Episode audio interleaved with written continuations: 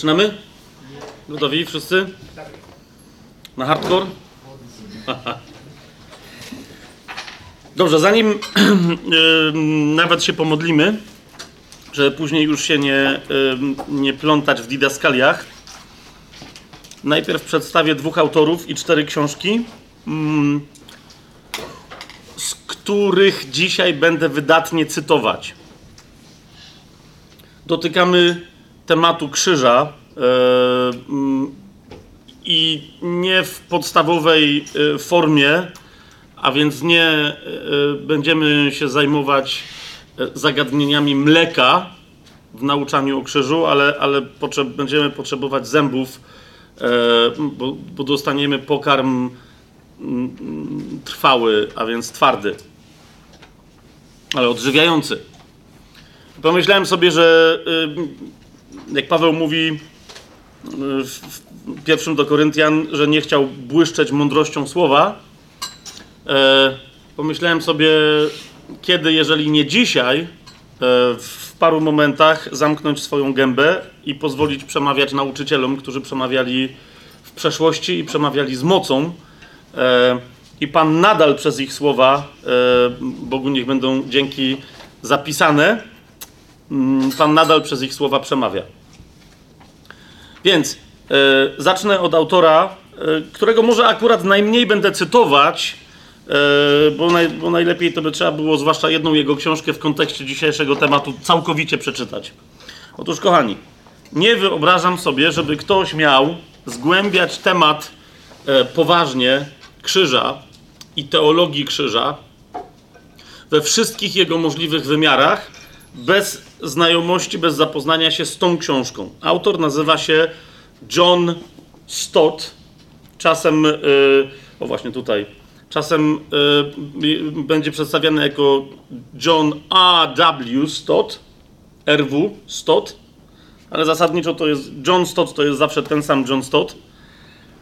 Yy, I książka, o której mówię, jeżeli ktoś. Oczywiście Rozumiecie, nie każdy jest teologiem, nie każdy jest nauczycielem i nie każdy musi e, zgłębić temat i, i, i, i, wgryźć się w niego i rozważyć z każdej strony. Ale jeżeli masz takie pragnienie, jeżeli masz taką z Boga pochodzącą i, i w Duchu Świętym płonącą ambicję, żeby, żeby temat krzyża e, podjąć i, że, i żeby, żeby żeby na krzyżu się znać, a więc z, krzyż, z Chrystusem ukrzyżowanym dobrze się znać, to jeszcze raz mówię, nie wyobrażam sobie, żeby nie znać tej konkretnej książki Johna Stota, która się nazywa Krzyż Chrystusa. E, bywa, że, że, że powołuje się na tę książkę, czy ją cytuję, czy, czy, czy rekomenduję, żeby ją przeczytać. I czasem ktoś mi mówi, że ale autor jest niezwykle religijny, który tę książkę napisał. Fakt, E, autor e, tej książki, John Stott, autor e, książki Krzyż Chrystusa,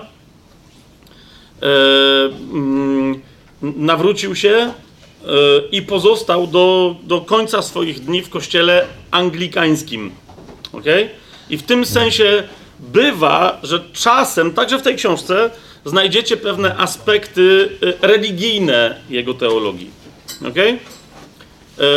A więc mm, no po prostu nie będę, nie będę w to wnikał. I, I, język również jest językiem człowieka, e, który u szczytu swojej, był u szczytu swojej twórczości w latach e, 70., 80. i 90. ubiegłego wieku, czyli XX wieku. Tak? Więc je, jego język może dla niektórych z was, z was być nieco rażący, e, zagadnienia nieco dziwne, ale jeszcze raz mówię wam, e, trzeba zdjąć, jak trzeba zdjąć okulary religijne, tak, tak również trzeba zdjąć okulary religijne antyreligijności okay? i sięgnąć do e, poznania, które John Stott miał i którym podzielił się z całym Kościołem. On był z kościoła anglikańskiego, ale był prawdziwie ewangelicznie i biblijnie wierzącym chrześcijaninem, ewangelicznie i biblijnie wierzącym teologiem. Był jednym z najbliższych, jeżeli nie najbliższym przyjacielem Billego Grahama. Okay? Na pewno w wielu teologicznych kwestiach Billy Graham, nawet jak się z Johnem Stottem w jakichś aspektach nie zgadzał, to, to to była jedna z pierwszych osób, do których Billy Graham się odnosił z pytaniami. Nawet po to, żeby później, wiecie, żeby się nie zgodzić, tak? E, ale od, od, niego Billy Graham dostawał bardzo e, obszerne odpowiedzi w tych wszystkich dziedzinach, w których Billy Graham pytał.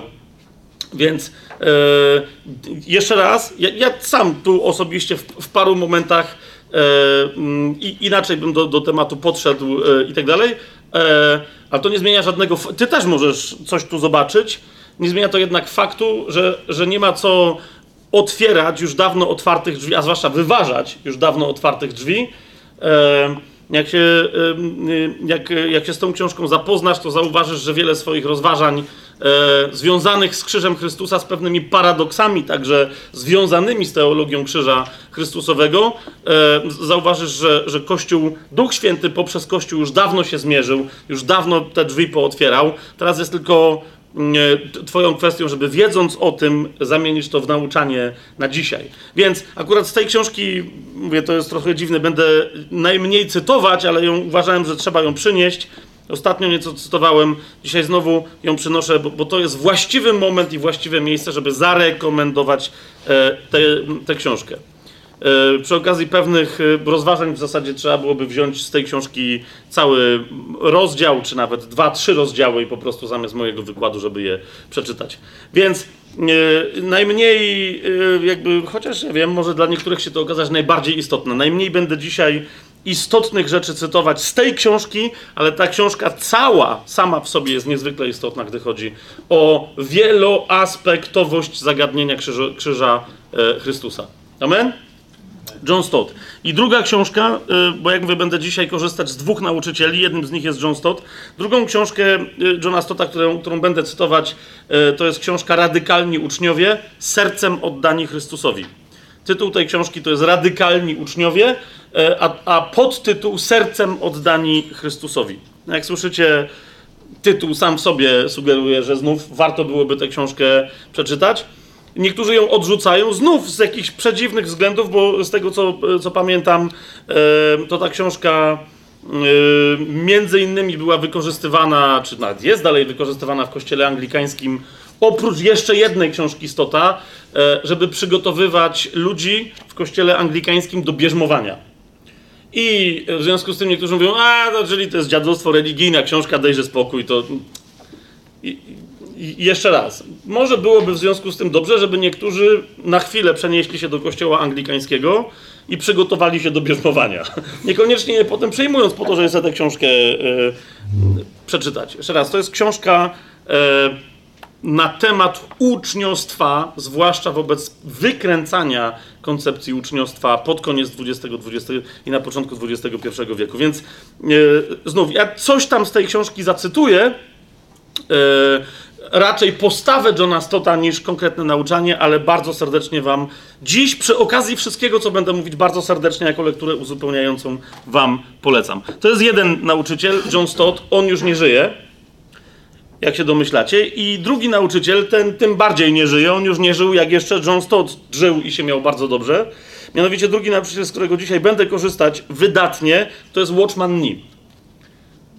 Yy i to jest tylko i wyłącznie Watchman Nie, tak? Nie Witness, yy, ale Watchman Nie, Witness Lee, bo niektórzy, ja czasem cytuję i mówię, że czytam z Watchmana Nie, a z jakiegoś powodu inni później pamiętają, niektórzy, że cytowałem Witnessa Lee. Nigdy w życiu nie czytałem, nie skończyłem nawet jednego artykułu Witnessa. Próbowałem paru, próbowałem paru książek, nie mam nie, wiem, czy to dobrze czy źle, po prostu nie mam zdania na temat Witnessa, ok? I nie zostałem poprowadzony tak jakoś dalej, żeby cokolwiek Witnessa przeczytać. Więc mówimy o Watchmanie. E, człowieku związanym e, i, i na którego nauczaniu oprócz innych ludzi, innych posługi, apostołów, ewangelistów i tak dalej, ale na jego nauczaniu e, de facto zostały, został zbudowany cały potężny ruch. Inaczej, na posłudze wielu został zbudowany potężny ruch y, y, kościoła, zwłaszcza po II wojnie światowej w Chinach, kościołów domowych, 100 milionów ludzi y, z niczego. Czystość doktryny, głębia mm, i doświadczenia mocy Bożej i, i służby wynikały z tego, co zostawił w swoim nauczaniu Watchman ten sposób. Nie, nie te kościoły zostały zbudowane na jego nauczaniu, ale te kościoły później e, wydatnie z tego nauczania korzystały. Tego człowieka. Ostatnich 20 lat swojego życia spędził e, jeszcze inaczej. E, w momencie, kiedy w Chińskiej Republice Ludowej, w ogóle kiedy powstała Chińska Republika Ludowa i zaczęli rządzić komuniści, Watchman e, znajdował się poza jej terytorium i zdecydował się świadomie, mówię to o tym także ze względu na dzisiejszy temat, Watchman zdecydował się świadomie, żeby wrócić, e, przedostać się przez granicę, wrócić do Chin kontynentalnych i żeby zostać i usługiwać w Chińskiej Republice Ludowej. Mimo, że Pan mu mówił, co to, co, co, z czym się będzie to wiązać i co to będzie oznaczać. Nie mimo, ale właśnie powiedziałbym dlatego, że Pan mu powiedział, z czym się to będzie wiązać. Tak jak Paweł, który wiedział, co go czeka w Rzymie i był szczęśliwy, że tam jedzie, tak jak Watch, tak Watchman przeniósł się do, wrócił do Chin kontynentalnych, ostatnich 20 lat swojego życia spędził w obozie koncentracyjnym. Chińskim obozie koncentracyjnym z czasów rewolucji kulturowej, więc rozumiecie o co chodzi, tak? Nie mówimy o internowaniu, mówimy o bardzo poważnej sytuacji. 20 lat regularnego e, nauczania i świadectwa, i tam też zresztą w tym e, obozie umarł. I teraz dwie książki, które dzisiaj będę wydatnie, jak powiedziałem, cytować. To jest książka, myślę, że, że, że dla wielu e, ludzi, którzy szukają dojrzałości chrześcijańskiej e, w relacji z Chrystusem, to powinien być absolutny fundament, poza Biblią rzecz jasna Książka nazywa się Chrystus rzeczywistością wszelkich duchowych rzeczy i spraw. Tak się nazywa e, ta książka Watchmana. Jeszcze raz powtórzę: Chrystus rzeczywistością wszelkich duchowych rzeczy i spraw z podtytułem Zyskać wszech zawierającego Chrystusa. Zyskać wszech, wszech zawierającego Chrystusa. Tę książkę będę e, cytować e, poważnie i jeszcze jedną książkę. Yy, yy, Modlitewna posługa Kościoła Watchmana Ni o niezwykle znaczącym tytule Bóg nie działa sam. Okay? Yy, ona oczywiście jest lekturą obowiązkową dla wszystkich w kościele, którzy czują, że ich powołaniem nie tylko czują, ale po prostu rosną w powołaniu wstawienniczym ktokolwiek się zajmuje e, w kościele i zamienia się to wręcz w jego służbę modlitwą wstawienniczą, znów powiem, nie wyobrażam sobie, żeby nie znał tej książki, żeby się e, do niej jakoś nie odniósł. To jest, to jest absolutnie fundamentalne nauczanie, ale powiedziałbym w sensie ogólnym, e, naprawdę trudno powiedzieć, że ktoś ma pełne pojęcie, czym jest Kościół i co robi, jeżeli nie jest zaznajomiony E, z fundamentalną koncepcją tej książki, czyli co to znaczy po krzyżu dla nowotestamentowych wierzących, że Bóg nie działa sam. E, I jakieś proste odpowiedzi, które nam się czasem rodzą w głowie i w sercu, e, one dobrze, że są proste, ale często my mówimy, że są proste, a one są tylko prostackie wobec głębi bogactw zawartych w tej nieprawdopodobnej Bożej decyzji, żeby nie działać samemu, ale żeby działać w Kościele i poprzez Kościół od momentu pójścia Pana Jezusa do nieba. Głębia bogactw i jednocześnie nasze prostactwo w podejściu do tej głębi. Naprawdę czasem mam wrażenie, że to jest tak, jakbyśmy weszli do skarbca, w którym nie ma światła, z tego skarbca wynieśli E, e, dwa złote dukaty i się cieszyli jak dzieci, że mamy złoto, zupełnie nie mając pojęcia, że w środku, w tym skarbcu, te dukaty złote to jest tylko droga do dalszych części skarbca, gdzie są setki i tysiące ton wszelkiego rodzaju kosztowności. A my się cieszymy z, z wejścia przez próg, wzięcia dwóch talarów i powiedzenia: Aleluja, wiemy już wszystko na temat tego, jak Chrystus w Kościele i poprzez Kościół usługuje. Więc będę też dużo z tej książki korzystać. Znów to jest innego rodzaju jeszcze rozszerzenie tego naszego dzisiejszego tematu. Teraz Więc później, jak będę cytować, to tylko powiem, to jest Watchman, to jest ta książka, to jest Watchman, to jest tamta książka, to jest John Stott, ta książka, albo John Stott, tamta książka, ale więcej się już nie będę. E, może jeszcze tam przy okazji Johna Stotta jedną rzecz powiem, ale się jakoś specjalnie więcej nie będę na ten temat e, rozwijać. I teraz druga rzecz, którą powiem w kontekście modlitwy, którą chcę wypowiedzieć, oraz pewnego tematu, którym się zajmiemy nie dziś, ale dopiero następnym razem, ale niech on już zaczyna w nas pracować. Jakikolwiek, jak, jakakolwiek schizma w tym biblijnym rozumieniu, o którym do tej pory mówiliśmy, czyli koncepcja, która może doprowadzić do herezji, a więc powstania stronnictwa, to jest koncepcja, spojrzenie, e, postawa teologiczna czy, czy dyscyplinarna w kościele, która w jakimś aspekcie, w jakimś sensie jest niezgodna z prawdą. Jasne? I ona prowadzi następnie, taka schizma, do herezji, czyli powstania stronnictwa, które się gromadzi wokół nieprawdy. I dlatego e, bardzo istotną rzeczą jest zrozumieć, jak się o, przejawia i objawia prawda i jak z niej korzystać.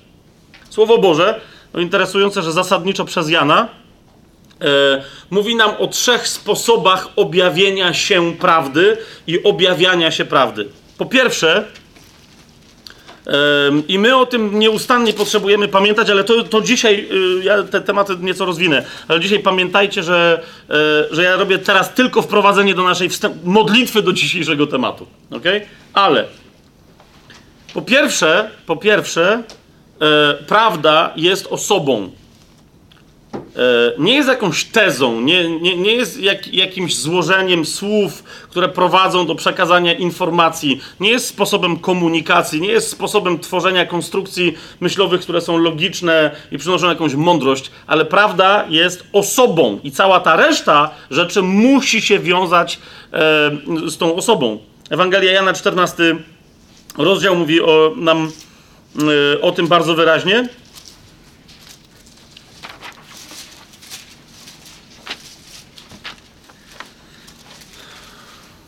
Szóstym wersecie Ewangelii Jana, w 14 rozdziale, w szóstym wersecie czytamy, Jezus mówi sam o sobie, odpowiadając y, y, Tomaszowi na, na pytanie, mówi mu: Ja jestem drogą, prawdą i życiem. Ja jestem drogą, prawdą i życiem. Dzisiaj tylko e, zwracam Wam uwagę na to, że to zdanie można rozbić na trzy. Ja jestem drogą, Jezus jest drogą, ja jestem prawdą, a więc Jezus jest prawdą i ja jestem życiem, a więc Jezus jest życiem, tak? Dzisiaj nas to interesuje, że Jezus jako osoba, On jest prawdą. Nie coś, ale ktoś jest prawdą. Po drugie, yy, prawdą jest, otwórzmy sobie 17 rozdział, skoro już jesteśmy w tej Ewangelii Jana. Yy, prawdą jest Słowo Boże. Zwłaszcza zapisane Słowo Boże. Więc coś, co z całą pewnością wiemy, że jest natchnionym Słowem Boga. To jest 17 rozdział e, Ewangelii Jana. Jezus, który sam dopiero co sobie powiedział, że jest prawdą, mówi do swojego Ojca, 17 rozdział, 17 werset, modląc się za mnie i za Ciebie i za innych wierzących, mówi uświęć ich w Twojej prawdzie, Twoje słowo jest prawdą. Oczywiście widzimy, że tu nie ma żadnej sprzeczności, ponieważ cała Ewangelia Jana mówi wyraźnie, że Jezus jest słowem, które się wcieliło. Amen? Więc tu nie ma żadnej sprzeczności, że w związku z tym, ale chodzi o to, że, że, że to słowo się wyraża nie tylko fizycznie tam od momentu swojego wcielenia, ale wyrażało się wcześniej i wyraża się później e, poprzez, poprzez słowo objawione, słowo, e, słowo natchnione. I w związku z tym to nierozdzielnie wiąże się z trzecią.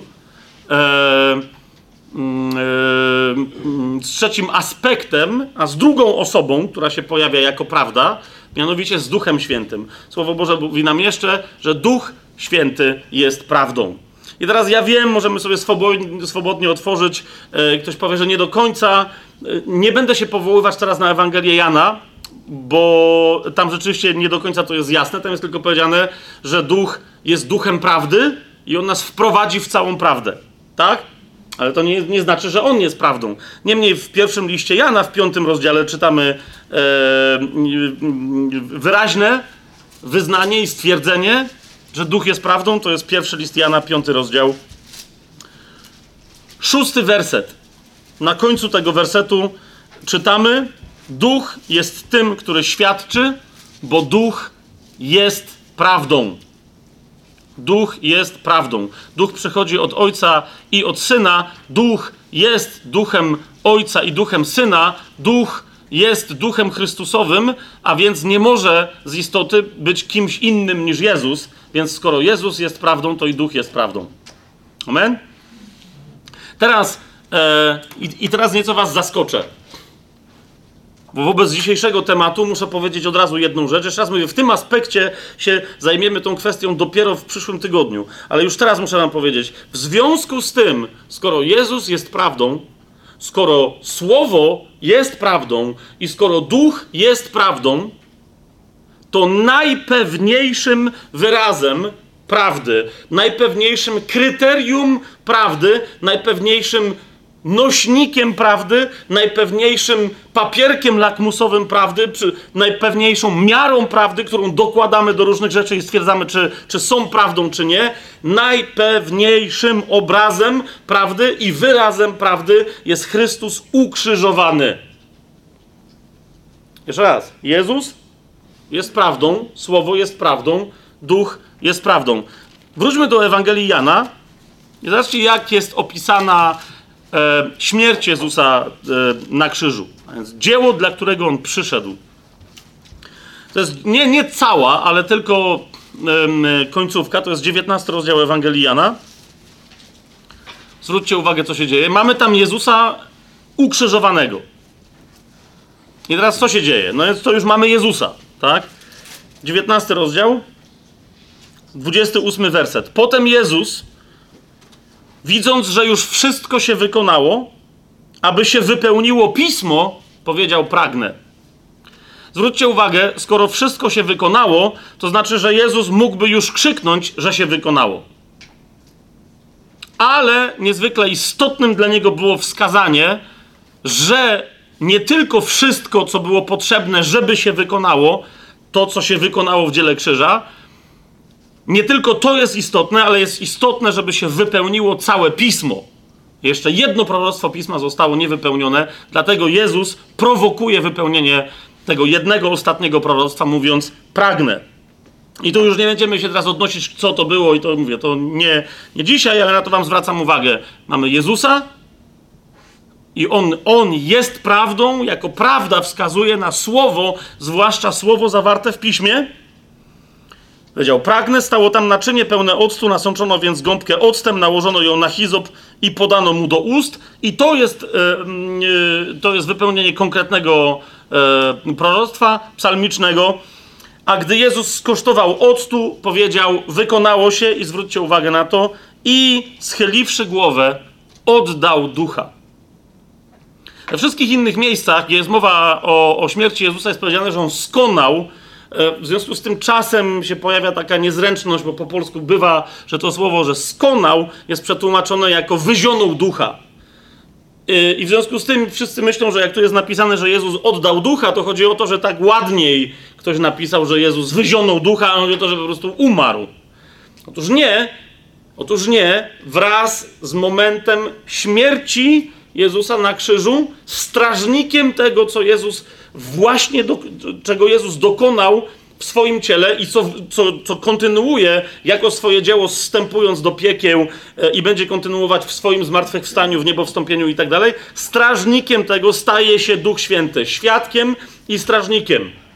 Okay? I jeszcze raz wróćmy do pierwszego listu Jana, bo o tym Jan właśnie bardzo wyraźnie mówi, komentując swój własny opis, że to nie jest tak, że po prostu Jezus wyzionął ducha. Jak mówię, tam cały język grecki wyraźnie mówi, że to pokazuje, że to nie o to chodzi. Jezus umierając dał już w tym momencie ducha, e, ducha na świat, ponieważ wykonało się. Dokonał odkupienia. To jest piąty rozdział pierwszego listu Janowego. Szósty werset, jeszcze raz tu wrócimy, ale poczytamy nieco więcej. Powiedziane jest, to jest ten, który przyszedł przez wodę i krew, Jezus Chrystus. Nie tylko w wodzie, ale w wodzie i we krwi. A duch jest tym, który świadczy, bo duch jest prawdą. Od momentu, kiedy zostało przebite, widzicie to? Kiedy, zostało przebity, kiedy został przebity bok Jezusa i kiedy popłynęła krew i woda. Okay? Tam był duch, który o tym zaświadcza. I dalej siódmy i ósmy werset czytamy. Trzej bowiem świadczą w niebie, Ojciec, Słowo i Duch Święty, a ci trzej jedno są, a trzej świadczą na ziemi, Duch, woda i krew, a ci trzej są zgodni. Okay? Chrystus ukrzyżowany, to jest, to jest bardzo konkretna sugestia Jana. Chrystus ukrzyżowany to jest centrum naszego rozeznania prawdy, ponieważ tam jest Jezus, który jest prawdą, tam jest Słowo, które jest prawdą, i tam jest Duch, który jest prawdą. I, i, I, w tej jedności, kiedy, e, bo, bo, zawsze można wziąć Jezusa i go oderwać, dzisiaj jeszcze o tym będziemy nieco więcej mówić, można Duchem Świętym w cudzym słowie się zacząć zabawiać i go odrywać i twierdzić, że Duch Święty coś, można Słowem Bożym manipulować. W momencie, kiedy, kiedy, kiedy, kiedy do Słowa, poprzez Ducha, w imieniu Jezusa, e, do Jezusa i tak dalej, w jakiejkolwiek konstelacji, kiedy, kiedy rozważamy prawdę i rozważamy ją poprzez ukrzyżowanego, e, nie ma możliwości, żeby się pomylić. Jeżeli przykładamy krzyż do naszych rozważań prawdy. Amen? Dlatego dzisiaj, teraz pomodlę się tylko krótko i, i, i pójdziemy dalej. Razem zapraszam Was do, do tej modlitwy. E, krótko pomódlmy się dzisiaj wyjątkowo do Ducha Świętego. Mm, e, żeby On to, co jest zawarte w Słowie, objawił nam pod postacią chwalebnego Chrystusa ukrzyżowanego. Nie tego, który kiedyś był ukrzyżowany, a dzisiaj się jakoś zmienił, ale którego ukrzyżowanie w zmartwychwstaniu ujawnia swoją prawdziwą moc. Bo jedną z rzeczy, której dzisiaj, której dzisiaj potrzebujemy dotknąć, jest to, że Chrystus nie tylko został ukrzyżowany, ale nadal jest ukrzyżowanym.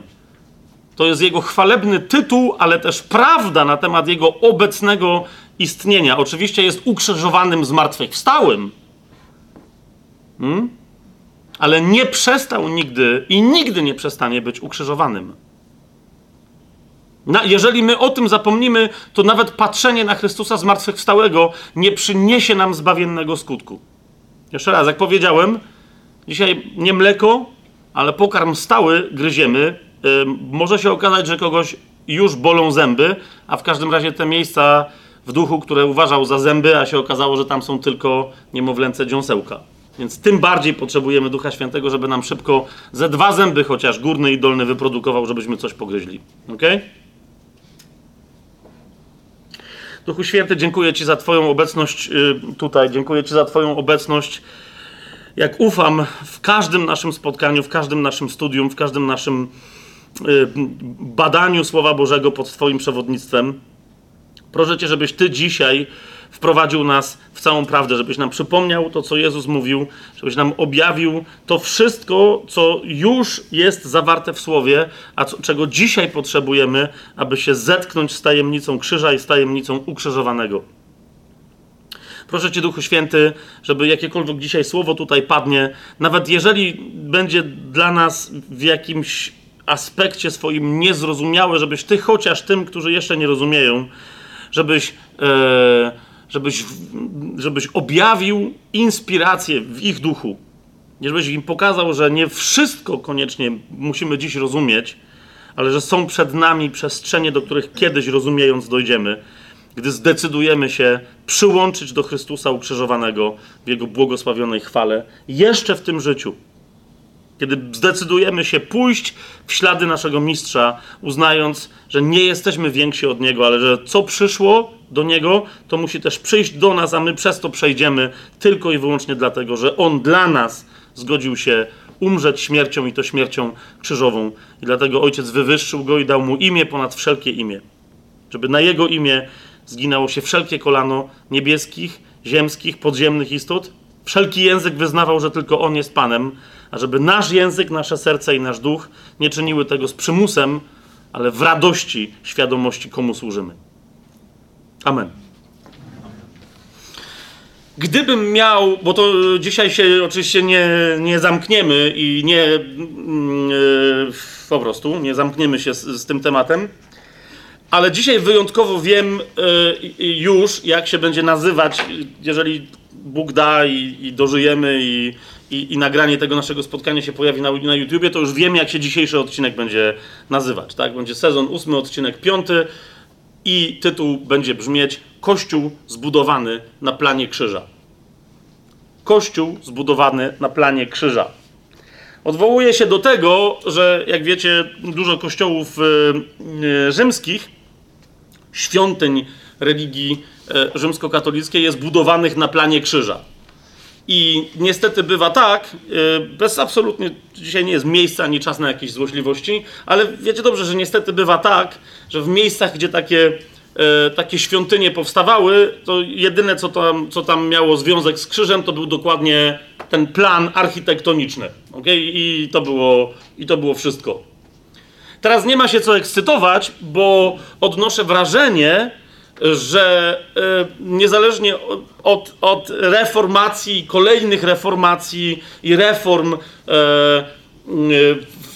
w których i dzięki którym chrześcijaństwo biblijne żyje i wciąż trwa i się rozwija, nieustannie potrzebujemy e, zrozumieć, że kolejne rzeczy znów nazywamy krzyżem, że posługujemy się słowem krzyż, mówimy o ukrzyżowaniu, mówimy o ukrzyżowanym, mówimy o jego śmierci i o zmartwychwstaniu, ale aplikujemy następnie prawdę i życie, które przepływa przez krzyż, no dokładnie tak, jak tamci aplikowali tylko do architektury, tylko na zewnątrz. Wiecie, że w kościele rzymskokatolickim e, poza tam kultami Matki Boskiej i tam innymi tego typu dziwnymi rzeczami, krzyż jest dosyć istotną e, e, fizycznie figurą. Krzyż i na krzyżu figura Jezusa ukrzyżowanego. Tak? No i znowu niektórzy e, jedyny lęk, jedyne przejęcie, jedyną trwogę, jedyną inspirację, jaką mają, to do tego, żeby przed taką figurką fizycznie się ukłonić, wzdrygnąć, przeżegnać, coś tam zrobić, żeby figurka go nie ukarała, ale niespecjalnie następnie prawdę o ukrzyżowaniu odnoszą do siebie, się nie upamiętują. Jeszcze raz, nie ma się co ekscytować, że jako ewangeliczni chrześcijanie nie mamy figurek, bo bywa, że, że, że, że, ktoś żyje w kościele intelektualnie spotkawszy się z Chrystusem, żyje 10, 20, 30 i więcej lat e, i, i nadal wzdryga się tylko na, na dźwięk imienia Jezus, na, na historię o krzyżu i tak dalej, ale nie pozwala im się dotknąć. Pierwsza rzecz więc, od której dzisiaj chcę, chcę zacząć, kochani, to jest, to jest e, żeby, że, e, ostrzeżenie, a jednocześnie nadzieja. ok? Żebyśmy my zaczęli z powagą na powrót mówić o krzyżu, musimy sobie uświadomić, musimy odrzeć mowę o krzyżu mm, e, z całego narosłego wokół tej mowy bluszczu i, i wszelkiego rodzaju chwastu religijnego, językowego i wyobrażeniowego. Wiecie, jak, jak otwieramy pierwszy list do Koryntian, sobie go, go otworzycie, jak sobie go otworzycie, to, to tu Paweł mówi, pierwszy list do Koryntian, pierwszy rozdział, 18 werset, mowa o krzyżu. Wszystko, cokolwiek dzisiaj chciałbym, żeby tu się wydarzyło, chciałbym, żeby było mową o krzyżu. Głoszenie krzyża, mowa o krzyżu. I, i rozumiecie, z, z, zwróć uwagę na to, co się dzieje w twoim sercu. Jakby jak pada temat mowa o krzyżu. Jest takie, wiecie, takie e, a, po, od takiego sentymentalizmu w sercu chrześcijańskim, że a, krzyż, krzyż to... E, e, jeden z najmocniejszych dla mnie, pamiętam kiedyś jako katolika, e, takich okresów życia, to, to zawsze był Wielki Post. Bo, bo wiecie o co idzie. No jednak, e, jednak to, jest, to był czas, kiedy inne historie odpadały i jednak trzeba było się skoncentrować na, na, na sednie Ewangelii. I, ja jestem przekonany, że jest wielu katolików, którzy może się nie, nie rozwijają, ale przez chociaż raz w życiu odpowiednie przeżycie, chociaż, chociaż jednego dnia Wielkiego Postu, cokolwiek by to tam nie było, jakieś nawet gorzkie żale, czy, czy droga krzyżowa, czy jakiś Wielki Piątek, czy co tam jeszcze, możliwe jest, że, że, że tych, którzy tam doświadczyli nowonarodzenia, jest znacznie, znacznie więcej, niż się wielu ewangelicznym chrześcijanom wydaje. Zgodzicie się z tym? Bo, bo, bo po prostu, bo tam moment, kiedy człowiek nagle sobie uświadamia, co Jezus zrobił na krzyżu, jest możliwy, zwłaszcza, że Duch Święty naciska. To, że potem ktoś tam zostaje i to pomijam. Ale wiecie, ale też jednocześnie yy, ja jestem przekonany, że, że przez wiele, wiele lat w Kościele katolickim, yy, po, po swoim nawróceniu poza Kościołem katolickim, przyszedłem, nie miałem gdzie do Kościoła katolickiego, yy, Wielki Post stawał się często dla mnie takim, takim czasem sentymentalizmu krzyżowego.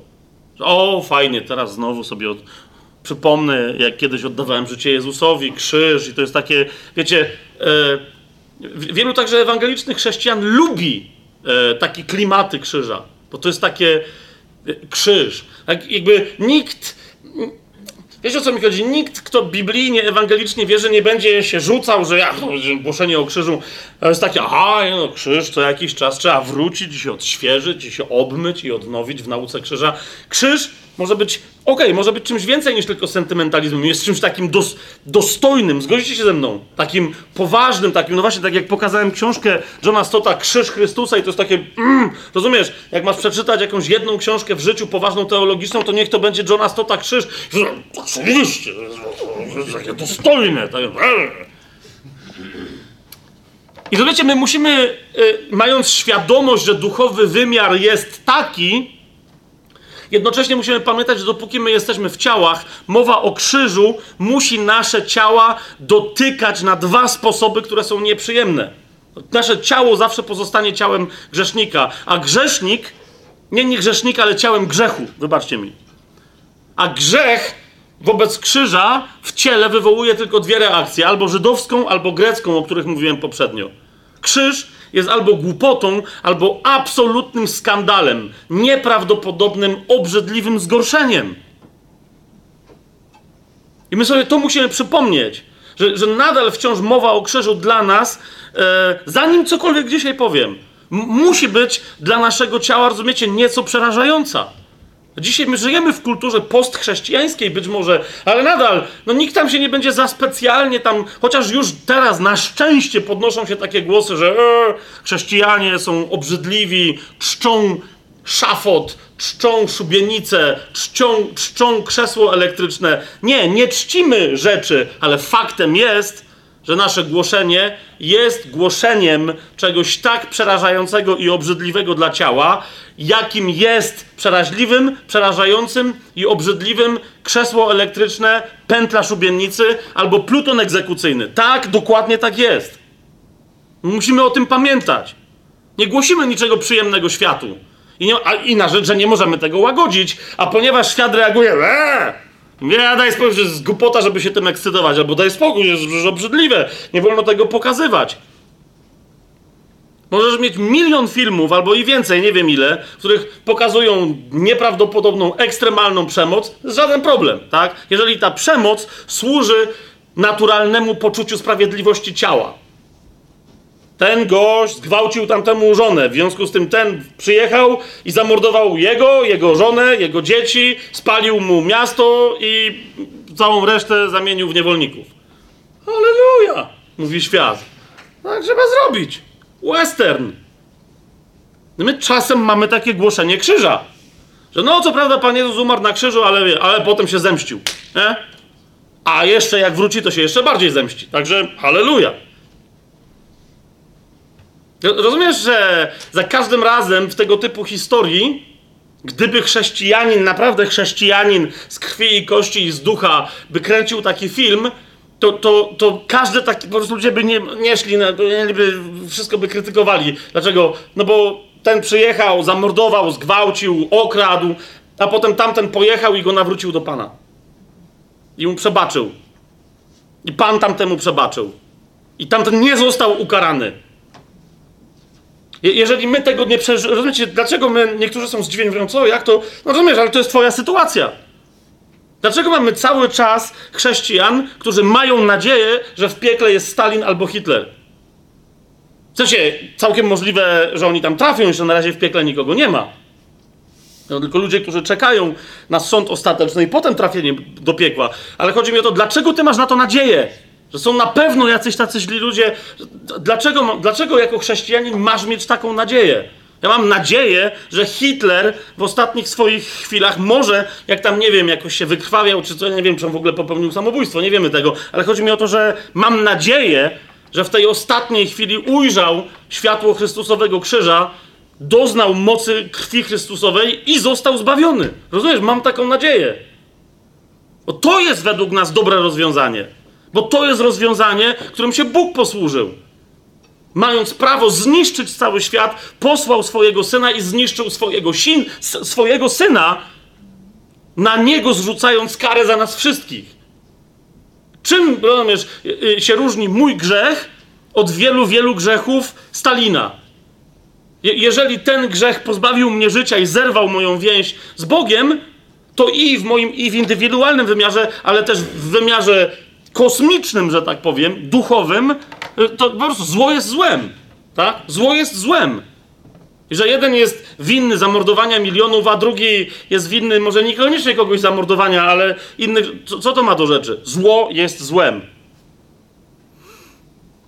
Cyceron, aż sobie, aż sobie yy, to zanotowałem, wielki retor, mówca publiczny, który dzisiaj w szkołach przemawiania publicznego, nadal porządnych szkołach przemawiania publicznego jest stawiany jako przykład, jego konstrukcje retoryczne, sposób budowania argumentacji i tak dalej. Człowiek, który żył, e, e, przyszedł na świat trochę więcej jak wiek e, przed Chrystusem. E, no ale który wiedział, czym jest krzyż, bo krzyż to jest, e, to była rzymska koncepcja, rzymski pomysł e, rozwiązywania prawnego spraw, e, w których Rzym decydował, że, że za coś tam należy się śmierć. Rzym mówił, więc niech to będzie śmierć krzyżowa. I teraz Cyceron na temat krzyża powiedział taką rzecz. Krzyż. Wyraz mówiący o czymś tak haniebnym, tak potwornie przerażającym, że się go nie powinno wymawiać w kulturalnym towarzystwie. Gość, o którym mówiono, że był w stanie z każdego tematu e, zrobić porządną wypowiedź, która innych zachwyci. On powiedział, że tak, ale, mm, ale nie na temat krzyża. Krz słowa krzyż nie będę nawet wymawiać w kulturalnym towarzystwie. I, I, to jest to, czego my potrzebujemy. Przywrócić sobie, rozumiecie, przywrócić e, y, dla siebie, nie sobie, e, krzyżowi oryginalne, surowe, niereligijne i niewygodne znaczenie. Przeczytam wam e, coś, bardzo, to było bardzo dla mnie poruszające. To jest John Stott, Radykalni Uczniowie. Zanim przeczytam cytat, który chcę przywołać, chcę tylko powiedzieć, to jest książka napisana przez stareńkiego Johna Stotta.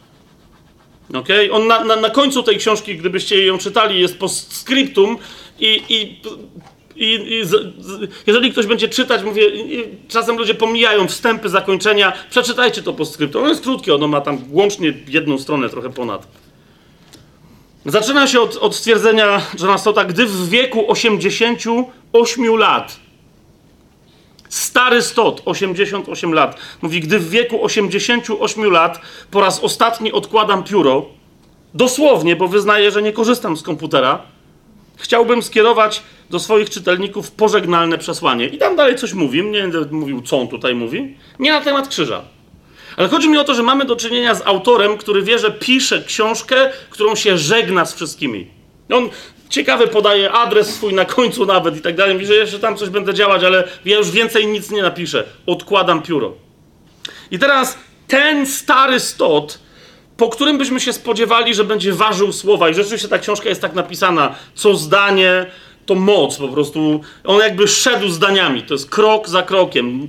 Nie ma, nie ma dlania wody. Yy, na stronie 34 nagle 88-letni stot, który odkłada pióro, się wścieka. Rozumiecie? Po prostu aż w nim coś buzuje. I pisze tak, tu, tu cytuję. Jesteśmy karłowatymi chrześcijanami gdyż wierzymy w karłowatego Chrystusa. Prawdą jest, że w religijnych supermarketach tego świata sprzedaje się wielu Jezusów, z których większość jest fałszywymi Chrystusami, zniekształconymi Chrystusami, karykaturami autentycznego Jezusa. Współcześnie możemy na przykład obserwować rywalizację między Jezusem kapitalistą i Jezusem socjalistą.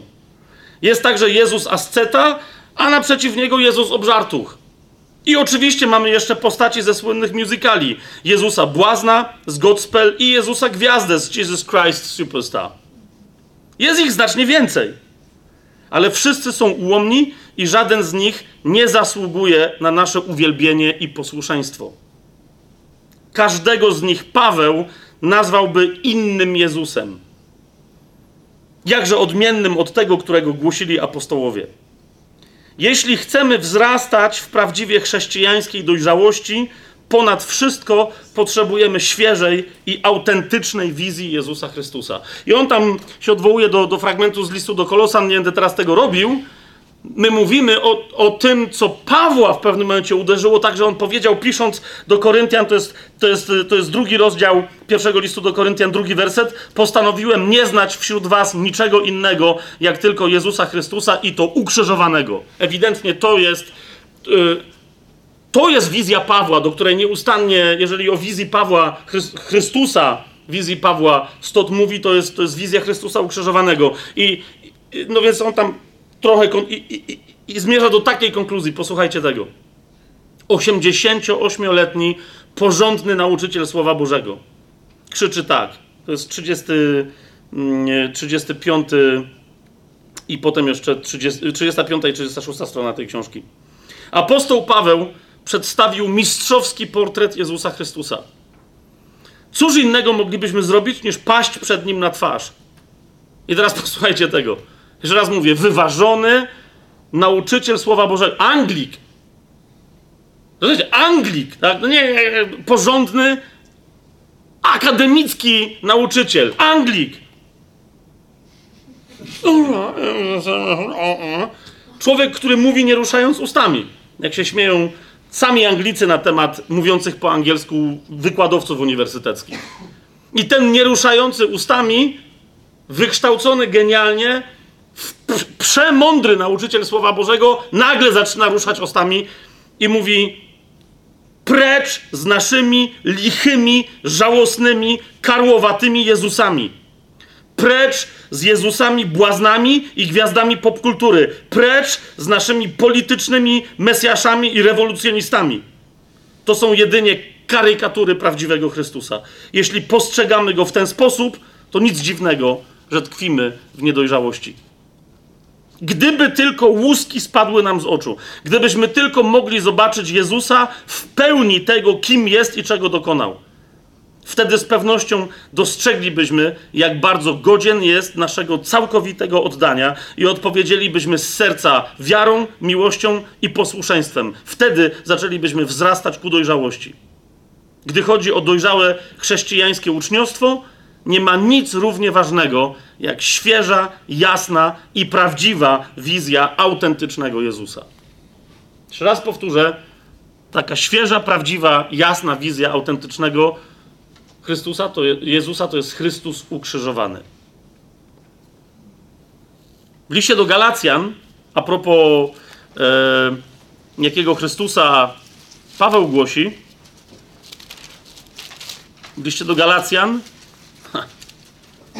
trzecim rozdziale,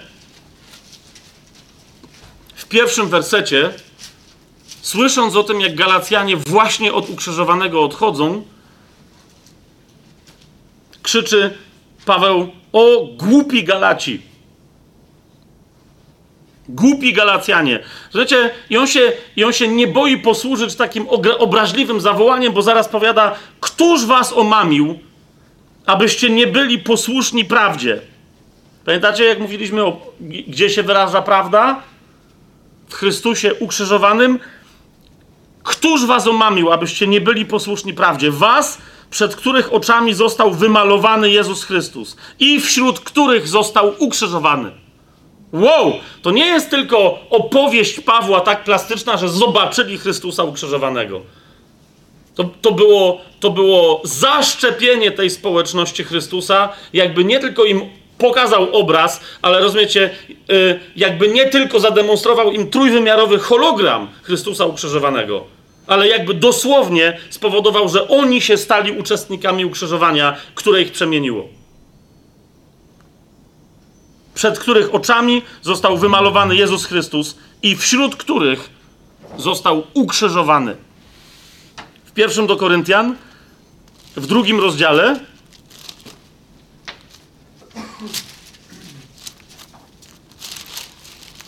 w drugim wersecie dokładnie, dokładnie o to samo Pawłowi, yy, Pawłowi chodzi. Pierwszy do Koryntian, drugi rozdział, drugi werset. Co się stało u Galacjan, to samo się stało u, u Koryntian. Postanowiłem nie znać wśród was niczego innego, jak tylko, i to tylko jest tutaj, rozumiecie, to jest absolutne tylko. Tylko Jezusa Chrystusa i to ukrzyżowanego. Ja wiem, że niektórym z Was, e, pewnie czytając te słowa, jeżeli nie rozważyliście tego odpowiednio, to, to teraz wraca pytanie, które już kiedyś mogło się pojawić, ale czy aby na pewno, przecież Chrystus z martwych wstały jest najważniejsze, to jak można się skoncentrować tylko na ukrzyżowanym? Będziemy o tym dzisiaj więcej mówić. W pierwszym do Koryntian, w pierwszym rozdziale, w 23 wersecie, dla, dlatego Paweł zaczyna, przypomina Koryntianom, cokolwiek się będzie działo w tym liście, jest związane z tym, co głosimy. A co głosimy? My zaś głosimy Chrystusa ukrzyżowanego, który dla Żydów jest zgorszeniem, a dla Greków głupotą. To nawiasem mówiąc, e, jest zawsze tester tego, czy my głosimy Chrystusa ukrzyżowanego. Jeżeli ktoś od nas odchodzi i mówi: Nie, nie, nie, nie, nie, posłuchamy cię innym razem tak jak Paweł, Paweł się w Atenach dowiedział, posłuchamy cię innym razem, to, to czy ten ktoś jest zgorszony twoim głoszeniem, treścią tego, tego głoszenia, czy uważa, że jest skrajną głupotą, żeby za nim pójść? Jeżeli nie ma którejś z tych dwóch tendencji, to, to naprawdę warto sobie zadać pytanie, czy tam był głoszony Chrystus ukrzyżowany. Teraz a propos tego pytania, ale, ale, ale jeszcze raz, ale naprawdę mamy się koncentrować, my jako na Chrystusie ukrzyżowanym, nie na zmartwychwstałym, przecież On zmartwychwstał i żyje. I tutaj y, pozwólcie, że się od, odniosę do tego, do którego się będę dzisiaj dużo odnosił.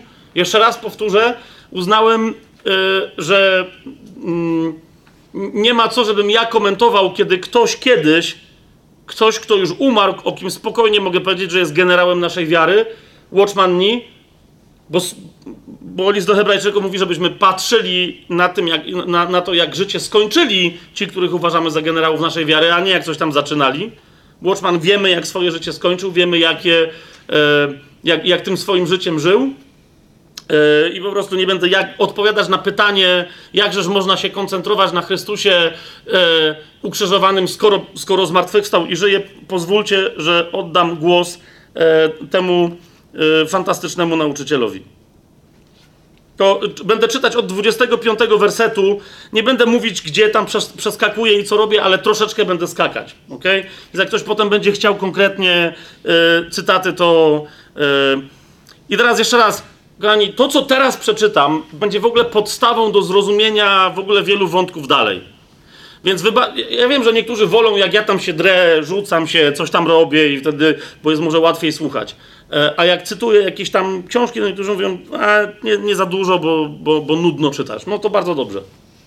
Chcę, żebyście teraz dosłownie ze zdwojoną, z potrojoną uwagą wysłuchali tego, co, co Watchman mówi, e, bo bez tego ani tego, co my tu dzisiaj rozważamy, naprawdę będzie trudno pojąć, ale w ogóle zrozumienie tego, co znaczy, że zmartwychwstały nadal jest ukrzyżowany, będzie bardzo trudne dla nas do, yy, do zrozumienia.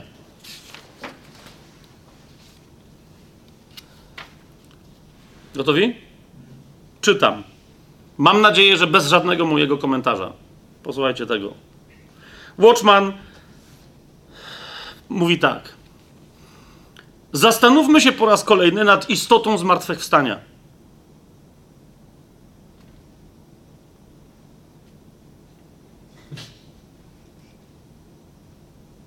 Zastanówmy się po raz kolejny nad istotą zmartwychwstania. Zmartwychwstanie dokonuje się wtedy, gdy coś, co spotkało śmierć, dalej istnieje. To, co stawia opór śmierci i trwa, jest zmartwychwstaniem. W całej historii wszechświata, w całej ludzkości, tylko jeden człowiek przeżył śmierć. Tym kimś był nasz Pan. Pan jest Panem zmartwychwstałym. Zmartwychwstanie ma miejsce wtedy, gdy przechodzi się przez śmierć i nie jest się przez nią usidlonym. Przeszedłszy przez śmierć, człowiek nie może się z niej uwolnić. Śmierć więzi każdego, kto chce ją przekroczyć. Nie jest ona jednak w stanie uwięzić naszego Pana. Takie znaczenie ma życie i takie znaczenie ma zmartwychwstanie. Zmartwychwstanie to życie, które przechodzi przez śmierć i wznosi się ponad śmierć. Nasz Pan Jezus jest życiem. Umarł i wszedł do Hadesu. Znalazł się w najgłębszym jej zakątku. Śmierć jednak nie mogła go uwięzić, nie zdołała go powstrzymać. On przeszedł przez śmierć. Zmartwychwstanie ma miejsce wtedy, gdy życie przechodzi przez śmierć i nie zostaje przez nią uwięzione. Uważajcie na to, co się teraz będzie działo. Zmartwychwstanie oznacza, że życie nosi na sobie znamię śmierci, a mimo to wciąż żyje. Żyje, a zarazem nosi znamię śmierci. Oto jak rozumieć trzeba zmartwychwstanie. Wiele osób zadaje pytanie, dlaczego Pan Jezus, czytam dalej, po swoim zmartwychwstaniu w 20 rozdziale Ewangelii Jana pozostawił blizny po gwoździach na swoich rękach i po włóczni w swoim boku dla Tomasza, aby ten ich dotknął. Musimy zdać sobie sprawę, że takie jest znaczenie zmartwychwstania. Pan Jezus nie pokazywał Tomaszowi kogoś, kto nigdy nie był zraniony i nigdy nie umarł. Chciał, aby Tomasz zobaczył, że on, Jezus, był zraniony, ale teraz żyje. Pan nosi na swoim ciele znamie śmierci, a jednak żyje. To właśnie oznacza zmartwychwstanie. Zauważcie, jak Watchman, zobaczcie, jak, jak, jakby powtarzał refren w psalmie. Okay? Czytam dalej. Bo teraz, teraz, teraz zrozumiemy, o co no to dlaczego zmartwychwstanie, okay, rozumiemy, ale jaki to ma związek zmartwychwstanie z krzyżem i dlaczego ma nieodłączny związek? Watchman kontynuuje. Dlatego zmartwychwstania nigdy nie można oddzielać od krzyża. Krzyż coś z nas usuwa. Wiele z tego, co pochodzi z nas samych, a co przeszło przez krzyż, nigdy na nowo nie powstanie, uległo zatraceniu w śmierci. Wszystko, co pozostało po przejściu przez krzyż oraz co nosi w ten sposób znamie śmierci i nadal żyje, tylko to jest zmartwychwstaniem. Zmartwychwstanie musi być czymś, co przeszło przez śmierć, a cokolwiek przechodzi przez śmierć, ponosi stratę i zostaje czegoś pozbawione. Bracia i siostry, jeżeli naprawdę wiecie, czym jest zmartwychwstanie, to zobaczycie, czym jest krzyż. Ujrzycie jego oczyszczającą moc. Jeśli naprawdę wiecie, czym jest zmartwychwstanie, zobaczycie, że wiele rzeczy zostanie wam zabranych, kiedy będziecie przechodzili przez krzyż. Dziś Bóg porozumiewa się z człowiekiem w zmartwychwstaniu. Zmartwychwstanie to jednak zawsze i nieodłącznie obejmuje krzyż. Dlatego nic, co jest w nas, nie jest w stanie porozumieć się z Bogiem, o ile nie przeszło przez śmierć. To jeszcze raz powtórzę, żebyście zrozumieli, co się dzieje. Ok? Nic, co jest w nas, nie jest w stanie porozumieć się z Bogiem, o ile nie przeszło przez śmierć. Jeżeli nie znajdujemy się w zmartwychwstaniu, Bóg nie może mieć z nami społeczności nie może się z nami skontaktować inaczej, jak tylko po stronie zmartwychwstania. Dlatego musimy przejść przez śmierć, aby wejść w zmartwychwstanie. Jest to zrozumiałe, co, co do, do tej pory czytam? Jest to zrozumiałe, choć trochę. Ok, ostatnie y, zdania z tego cytatu. Ci tylko, którzy znają krzyż, znają zmartwychwstanie. Zmartwychwstanie to to wszystko, co pozostaje po przejściu przez krzyż. Wiele rzeczy nigdy nie powróci po przejściu przez krzyż. Odeszły raz na zawsze. Zmartwychwstaniem jest wszystko to, co może przetrwać krzyż.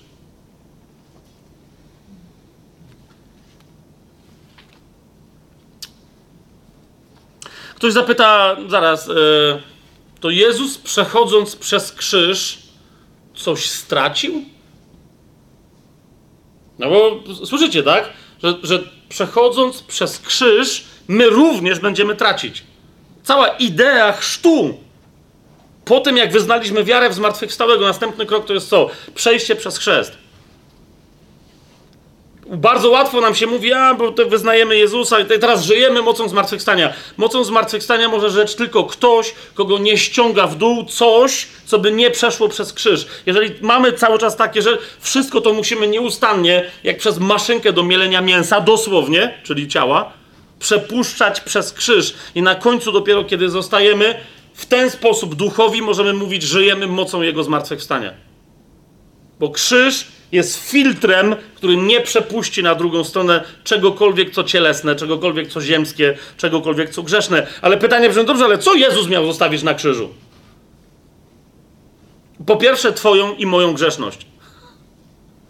List do Kolosan mówi, tak? Że przybił do krzyża zapis dłużny i tam go zniweczył. Amen? Genialne. Genialne. Wziął całego mojego grzesznika, tym kim byłem, przed spotkaniem się z Jezusem i przed doświadczeniem mocy Jego krwi i Jego tam zostawił i koniec, i On tam zniknął. Na tej zasadzie, rozumiesz, mój chrzest jest, jest decyzją, żeby nie czekać do zmartwychwstania. Chrzest wodny jest decyzją, żeby móc zacząć żyć taką mocą, zanim jeszcze moje ciało fizycznie obumrze. I będę mógł zmartwychwstać w nowym, wiecznie żyjącym ciele.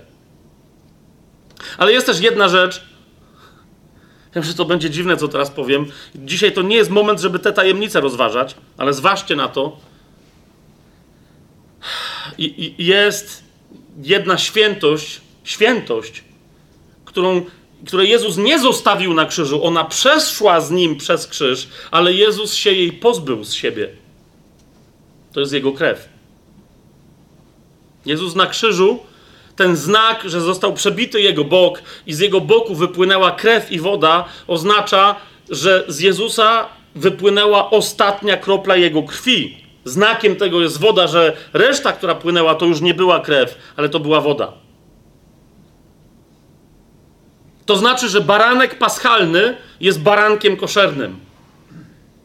Cały ten znak, wiecie, ofiarowywania zwierząt, koszerności w judaizmie, to było tylko proroctwo tego, że baranek nieskazitelny, bez żadnej skazy w sobie ani na sobie, zostanie zabity w koszerny sposób, to znaczy, że wypłynie z niego cała jego krew do ostatniej kropli.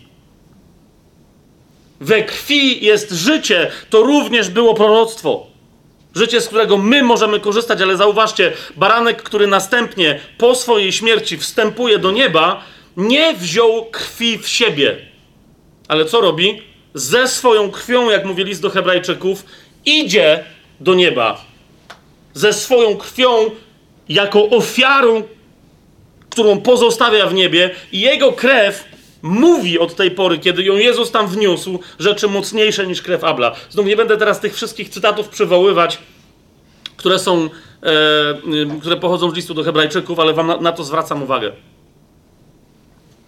W Ewangelii. I teraz z tego powodu, zwróćcie uwagę, z tego powodu Jezus, który zmartwychwstał, nie wiem, czy widzicie, niektórzy mówią, e, świadkowie Jehowy bywa, niektórzy badacze pisma, niektórzy oni nie wierzą w to, że Jezus naprawdę fizycznie zmartwychwstał.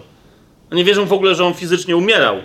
Podobnie islam przeczy temu, żeby Jezus umierał fizycznie. Uważają to za, za nadmierne zgorszenie, właśnie. I teraz na dowód tego mówią, y, gdyby Jezus pokazywał prawdziwe rany po swoim zmartwychwstaniu, gdyby to były prawdziwe rany w prawdziwym ciele, to by krwawiły, prawda? Przecież życie jest we krwi. Widzisz, Jezus jest nowym stworzeniem i daje życie przez ducha. Życie jest we krwi wszystkiego, co żyje biologicznie, wszystkiego, co żyje fizycznie. Ale życie duchowe ma inną zasadę, i tą zasadą jest krew baranka, która mówi w niebie mocniejsze rzeczy niż krew Abla. Życie duchowe polega na życiu z ducha i nie zawiera się we krwi tego, kto zmartwychwstaje. Jest to jasne, co, co, co gadam teraz? Nawet jeżeli to jest rzecz, teraz sobie myślisz, i to jest dopiero początek. Po prostu, na razie tu zostańmy. Na razie tu zostańmy. Ale właśnie z tego powodu Że Jezus nigdy nie odzyskał swojej krwi, w sensie, że nigdy nie wziął ją na powrót w siebie, nie wziął jej na powrót w siebie, między innymi z tego powodu, nie tylko z tego powodu, jest nieustannie nazywany ukrzyżowanym, ponieważ nieustannie skutki ukrzyżowania w nim pracują. Pozostawił rany na rękach, na nogach, w boku. Pozostał tak, jakim, takim, jakim się stał na krzyżu. Pozostał bez krwi w sobie. Z tego też powodu regularnie, regularnie jego tytuł to nie tylko ukrzyżowany, bo to jest tytuł. Jest pewna forma, Chrystus był ukrzyżowany. To jest jedna forma, nie będziemy teraz gramatyki greckiej jeszcze do tego wszystkiego do, mieszać, tak? Ale w momencie, kiedy jest mowa, tak jak Paweł mówi o Chrystusie ukrzyżowanym, on posługuje się formą, nie o. Nie, on nie mówi, postanowiłem znać Chrystusa, który był ukrzyżowany, ale mówi, postanowiłem wśród Was znać Chrystusa i to ukrzyżowanego, a więc tego, któremu wciąż wartości ukrzyżowania przynależą. Który nie był ukrzyżowany, ale już nie jest, ale który z jakiegoś powodu nadal jest Chrystusem ukrzyżowanym. Ta prawda w duchu, w niebie, jest tak oczywista, że w niebie zasadniczo Jezus częściej nazywany jest e, w Księdze Objawienia, e, częściej nazywany, chyba częściej jest nazywany barankiem niż Jezusem. A w każdym razie w ramach swojego wywyższenia i uwielbienia jest częściej nazywany barankiem. To jest jego chwalebny tytuł. I teraz, co interesujące, jest nazywany barankiem, który był barankiem zabitym od początku i który jest barankiem zabitym na wieki, który jednak żyje. Który jednak żyje. Ewangelię Mateusza, jak sobie otworzymy szybciutko, żeby ten temat e, zgłębić. Bo to jest to, z czym Jezus przeszedł. Rozumiecie, on, on przeszedł inny i po drugiej stronie śmierć nad nim nie ma już władzy, ale on też przeszedł pozbywszy się nie tylko tego, co miał, czego się miał pozbyć dla nas, ale pozbywszy się czegoś z siebie fizycznie.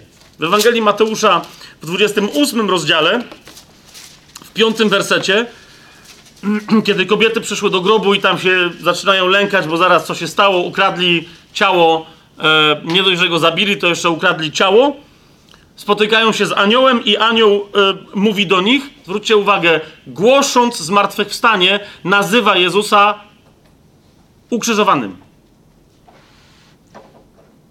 To jest piąty werset. Anioł zaś powiedział do kobiet: Wy się nie bójcie.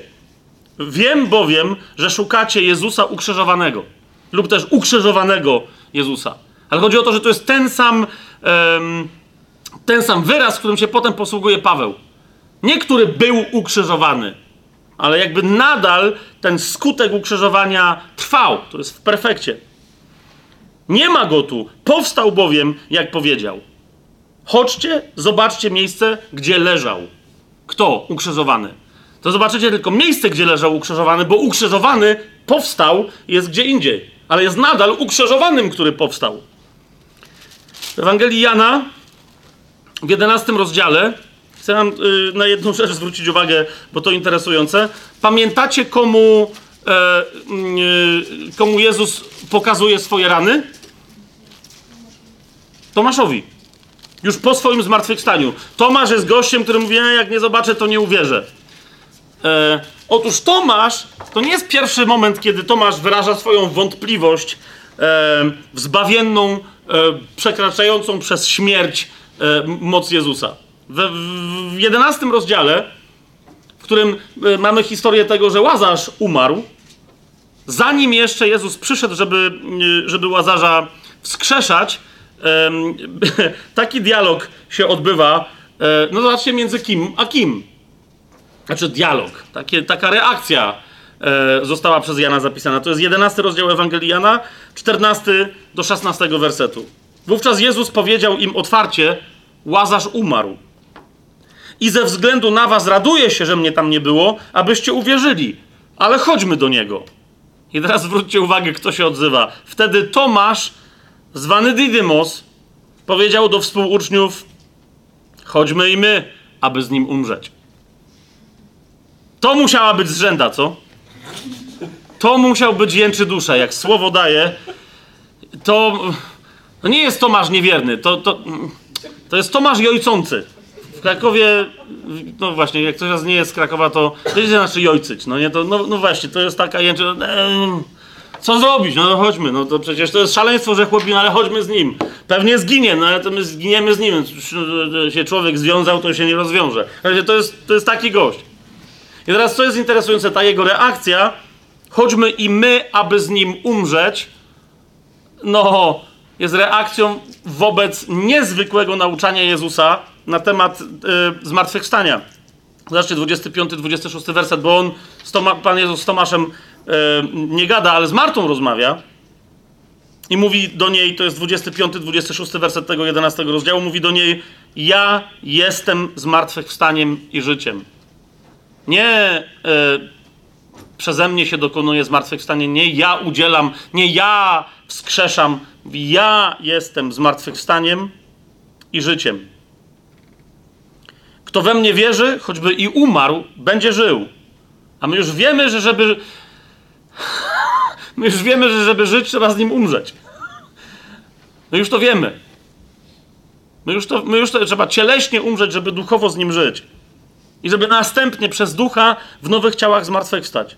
I 26 werset. A każdy, kto żyje i wierzy we mnie, nigdy nie umrze. Czy wierzysz w to?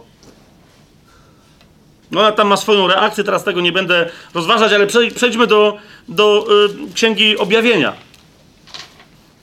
W Księdze Objawienia Jezus sam o sobie, zauważ co mówi, y, jak przerażonemu Janowi, który, który był umiłowanym uczniem Jezusa, który miał tak bliską relację z nim, kiedy on jeszcze chodził y, po ziemi, że nikt takiej nie miał. O, kiedy on się objawia w prawdzie swojej obecności Janowi, który już nie jest młodzieniaszkiem, jest dojrzałym chrześcijaninem, wiele wie, wiele doświadczył, pisze Ewangelię, pisze listy. I on, widząc Jezusa, 17 werset mówi, gdy go zobaczyłem, padłem do jego stóp jak martwy. I położył na mnie swoją rękę, mówiąc mi: Nie bój się, ja jestem pierwszy i ostatni, i żyjący, a byłem umarły a oto żyję na wieki wieków i mam klucze piekła i śmierci. Jezus nieustannie podkreśla, że On jest żyjący, ale przeszedł przez śmierć. Dlatego ma władzę, e, dlatego ma władzę mm, nad śmiercią. W Ewangelii Jana e, jeden tylko człowiek, zanim ktokolwiek się zaczął orientować, co się dzieje, potężny prorok, Jan Chrzciciel, jednym określeniem wyjaśnia i obwieszcza, kto oto przyszedł z nieba, kto pójdzie do nieba i kto znowu wróci z nieba. To jest Ewangelia Jana, pierwszy rozdział, 29 mm, werset. A nazajutrz Jan, chrzciciel w tym wypadku, a nazajutrz Jan zobaczył Jezusa przychodzącego do niego i powiedział: Oto baranek Boży, który gładzi grzech świata. Wszystkie inne baranki, które znaliście, były barankami, które nie mogły zgładzić żadnych grzechów, były zadośćczyniące, trzeba było na, na powrót tę ofiarę ponawiać. One były tylko proroczą zapowiedzią tego jednego baranka, który zgładzi grzech całego świata, będąc koszernym, paschalnym barankiem, z którego wypłynie krew do ostatniej kropli. To jest baranek Boga, który gładzi grzech całego świata. I potem powtórzył w 36 wersecie, jeszcze raz, gdy zobaczył Jezusa przechodzącego, powiedział: Oto baranek Boży.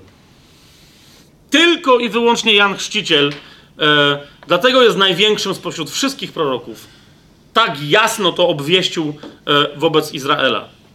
Baranek, skoro jest barankiem Boga, musi być, jeżeli gładzi grzech, musi być barankiem zabitym, bo jak mówili z do Hebrajczyków, nie ma ofiary, która byłaby skuteczna bez krwi.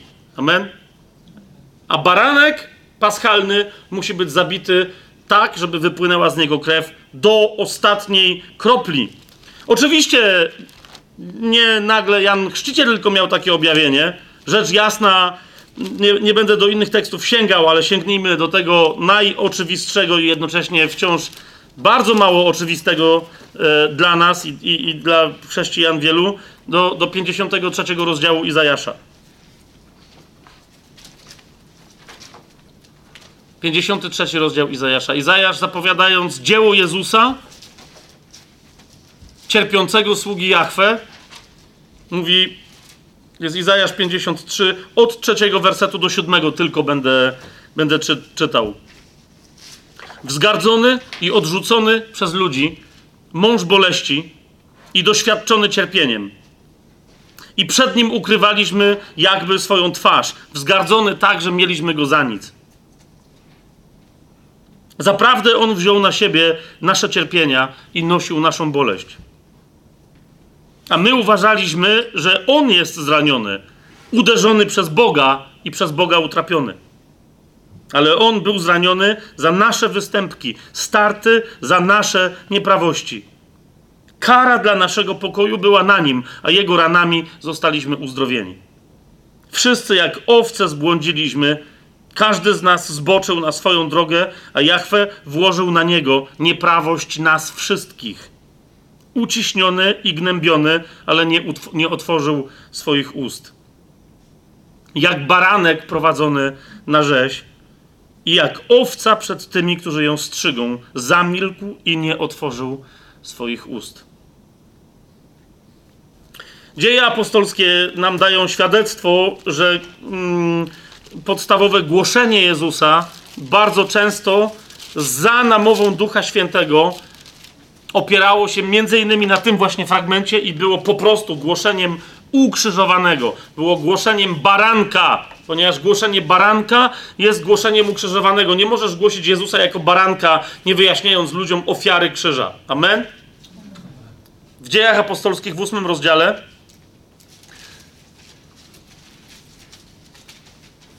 Duch przeniósł Filipa, żeby usłużył jednemu człowiekowi, eunuchowi, dostojnikowi yy, królowej etiopskiej, Kandaki. W 29 wersecie czytamy, a duch powiedział do Filipa, to jest ósmy rozdział dziejów apostolskich, 29 werset, a duch powiedział do Filipa, podejdź i przyłącz się do tego wozu. Kiedy Filip podbiegł, usłyszał, jak tamten czyta proroka Izajasza i zapytał, rozumiesz, co czytasz? A on odpowiedział, jak mogę rozumieć, jeśli mi nikt nie wyjaśni. Nie zaprosił Filipa, aby wszedł i przy nim usiadł. A czytał ten fragment pisma. Jak owca na rzeź był prowadzony i jak baranek milczący wobec tego, którego strzyże, tak on nie otworzył swoich ust. W jego poniżeniu pozbawiono go sądu, a któż wypowie jego ród? Jego życie bowiem zostało zabrane z ziemi. I zapytał eunuch Filipa, proszę cię, o kim to prorok mówi? Sam o sobie czy o kimś innym? Wtedy Filip otworzył swoje usta, zwróćcie uwagę, i zaczynając od tego fragmentu pisma, głosił mu Jezusa. Od którego fragmentu? Jak owca na rzeź był prowadzony i jak baranek milczący wobec tego, którego strzyże. Co na początku swojego głoszenia Filip powiedział eunuchowi? Jezus został ukrzyżowany, jak baranek. Od tego fragmentu pisma zaczął mu głosić e, Jezusa. E, w pierwszym liście Piotra, bo potem widzimy, że to nie jest tylko informacja dla ludzi niewierzących, ale to jest nieustannie powracający temat, e, dzięki któremu żyją wierzący i się rozwijają i przemieniają. W pierwszym liście Piotra, w pierwszym rozdziale, w osiemnastym wersecie i dalej, Piotr pisze: Wiemy, że nie tym, co zniszczalne, srebrem lub złotem zostaliśmy, wiecie, że nie tym, co zniszczalne, srebrem lub złotem zostaliście wykupieni z waszego marnego postępowania przekazanego przez ojców, ale drogą krwią Chrystusa jako baranka niewinnego i niepokalanego, przeznaczonego do tego przed założeniem świata, a objawionego w czasach ostatecznych ze względu na was. Przeznaczonego do tego przed założeniem świata to później jeden fragment Księgi Objawienia będzie e, e, do, do tej prawdy się odwoływał. W Księdze Objawienia, piąty rozdział sobie otwórzmy, jak będziemy w Księdze Objawienia, będziemy więcej ten wątek e, rozważać. Tam baranek do tego stopnia jest barankiem, że wręcz, wręcz baranek staje się tak bardzo imieniem Jezusa, że jest inny wyraz w Księdze Objawienia, którym się Jan posługuje, niż wszędzie we wszystkich innych fragmentach Pismo posługuje się w języku greckim na określenie baranka. Więc jak e, w Księdze Objawienia widzimy słowo baranek z dużej litery w odniesieniu do Jezusa, to rzeczywiście ma to sens, bo, bo to słowo baranek które po prostu oznacza Chrystusa ukrzyżowanego z decyzji odwiecznej, żyjącego pomimo swojego ukrzyżowania na wieki. Ta prawda zawiera się w jednym imieniu baranek. Jasne to jest? Zobaczcie, zobaczcie, jak nie wszystkie fragmenty, gdzie to imię się pojawia w Księdze Objawienia, tu przywołam tylko te istotne dla naszej dzisiejszej myśli. To jest piąty rozdział Księgi Objawienia, e, szósty do ósmego wersety. Jan pisze, i zobaczyłem, a oto między tronem i czterema stworzeniami i między starszymi stał baranek, jakby zabity. Zwróćcie uwagę, rzeczywiście tak jest po grecku, stał baranek jakby zabity. Dlaczego, dlaczego o kimś, który, którego objawienie Jana zwala z nóg, tak że on pada jak martwy wobec jego majestatu, jak można mówić coś tak poniżającego, że to jest baranek jakby zabity? To, to nie jest nic poniżającego. To nie jest objaw jego słabości. To jest, nieusta- to jest informacja, to jest Chrystus ukrzyżowany, który już jest jako ukrzyżowany w takiej formie, w jakiej będzie na wieki w swojej chwale. To jest tytuł baranek jakby zabity. Dlaczego? Bo on nie jest zabity. Śmierć myślała, że przejmie nad nim władzę, ale to on wygrał. Zobaczyłem, a oto między tronem i czterema stworzeniami i między starszymi stał baranek jakby zabity, który miał siedem rogów i siedmioro oczu. No widzicie, że nie jest to klasyczny baranek. Tak? Miał siedem rogów i siedmioro oczu które są siedmioma duchami Boga posłanymi na całą ziemię. Jak sobie przypomnicie, nie pamiętam, który to był sezon, jak żeśmy mówili o Duchu Świętym, to między innymi do, do tej wizji e, jasno się odnieśliśmy, że tu nie chodzi o siedem jakichś różnych aniołów, tylko tych siedem duchów to jest inne imię, inna nazwa, inne określenie na jednego Ducha Świętego we własnej osobie. No właśnie, jaka jest więź między Jezusem ukrzyżowanym i zmartwychwstałym i Duchem Świętym. To jest baranek, który ma siedem rogów i siedmioro oczów, które są Duchem Świętym. Ok? Wtedy on podszedł i wziął księgę z prawej ręki zasiadającego na tronie, a gdy wziął księgę, cztery stworzenia i dwudziestu czterech starszych upadło przed barankiem, a każdy z nich miał harfę i złote czasze pełne wonności, którymi są modlitwy świętych. Tu widzicie, że baranek jest Bogiem. Tak? W księdze objawienia, jak ktoś przed kimś upada, na przykład przed aniołem upada Jan, tak, dwukrotnie, to anioł go podnosi i mówi, to się tylko Bogu należy, a nie mnie, ja jestem twoim współsługą. I tu zauważcie, ci starsi, te istoty niebieskie upadają przed barankiem. E, zobaczcie jeszcze w tym rozdziale 12-13 werset. E, tam mamy hymn na cześć baranka. Godzien jest baranek zabity. Jeszcze raz zwróćcie uwagę. To nie chodzi o to, że on jest martwy. Chodzi o to, że to, co zostało po przejściu przez krzyż, wciąż świadczy o jego zwycięstwie nad śmiercią. Ale to jest, to jest jego tytuł. Chrystus ukrzyżowany to jest baranek, za to jest to, o czym Watchman mówił. Godzien jest baranek zabity wziąć moc i bogactwo, i mądrość, i siłę, i cześć, i chwałę, i błogosławieństwo. A wszelkie stworzenie, które jest w niebie i na ziemi, i pod ziemią, i w morzu, i wszystko, co w nich jest, słyszałem, jak mówiło zasiadającemu na tronie i barankowi błogosławieństwo i cześć, i chwała, i moc na wieki wieków. To znaczy na zawsze. Komu? Barankowi zabitemu. Chrystusowi ukrzyżowanemu, mówiąc e, językiem, który nas będzie obowiązywał, aż dopóki Pan mm, nie powróci. W Księdze Objawienia w siódmym rozdziale od dziewiątego wersetu czytamy. Potem zobaczyłem, a oto wielki tłum, którego nikt nie mógł policzyć, z każdego narodu, plemienia, ludu i języka, który stał przed tronem i przed barankiem, ubrani w białe szaty, a palmy w ich rękach. I wołali donośnym głosem: Zbawienie należy do naszego Boga, zasiadającego na tronie, i do baranka.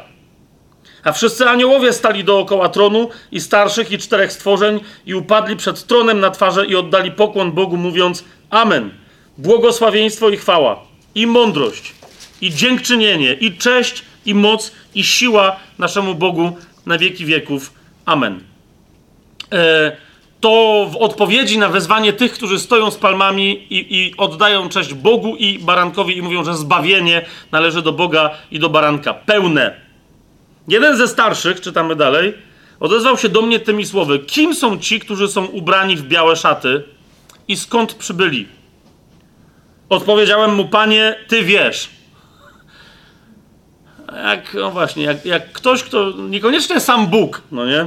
Niekoniecznie sam Bóg, ale czasem anioł, jakaś inna duchowa istota, która przychodzi od Boga, przychodzi i się ciebie pyta o coś, to nie dlatego, że nie wie, dlatego, że wie, że ty nie wiesz.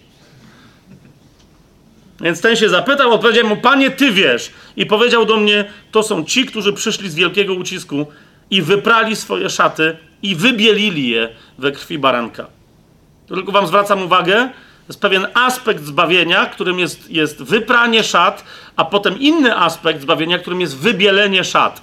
To nie jest poezja. To jest określ... Żeby było ładniej, to jest taki ornament słowny. Nie. To jest mowa o bardzo konkretnych czynnościach, które wyraźnie nam sugerują, że, że spotkanie z krzyżem i z ukrzyżowanym nie jest tylko spotkaniem dla grzesznika, ale jest życiem tego, kto dzięki zmartwychwstałemu żyje, spotykanie się z barankiem i posługiwanie się jego krwią.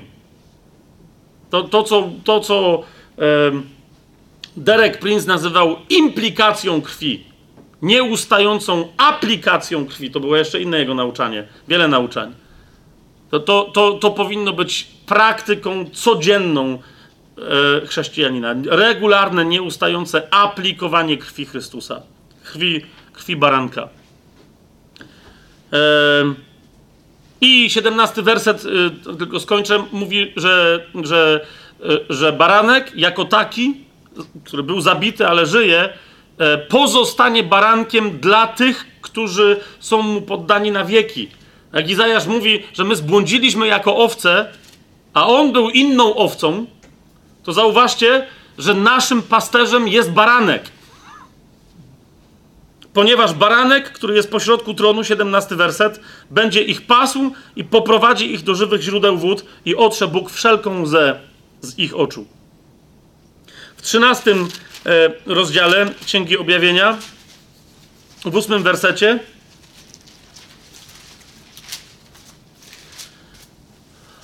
jest powiedziane, e, tak jest powiedziane, wszyscy mieszkańcy ziemi oddadzą jej pokłon, to znaczy bestii, tak? Wszyscy mieszkańcy ziemi oddadzą jej pokłon. Ci, których imiona nie są zapisane w księdze, zwróćcie uwagę, ci, których imiona nie są zapisane w księdze życia baranka zabitego od założenia świata. Jeszcze raz, ta prawda o tym, Jezus przychodząc na świat wiedział, czego się wyrzekł i na co się zdecydował. List do Filipian, drugi rozdział. Wielki hymn o ukrzyżowanym, wielki hymn o kenozie Boga. Mówi dokładnie o tym, że, że to był plan od założenia świata. On przyjdzie i w taki sposób przedstawi nam dzieło, czyniąc z nas nowe stworzenie.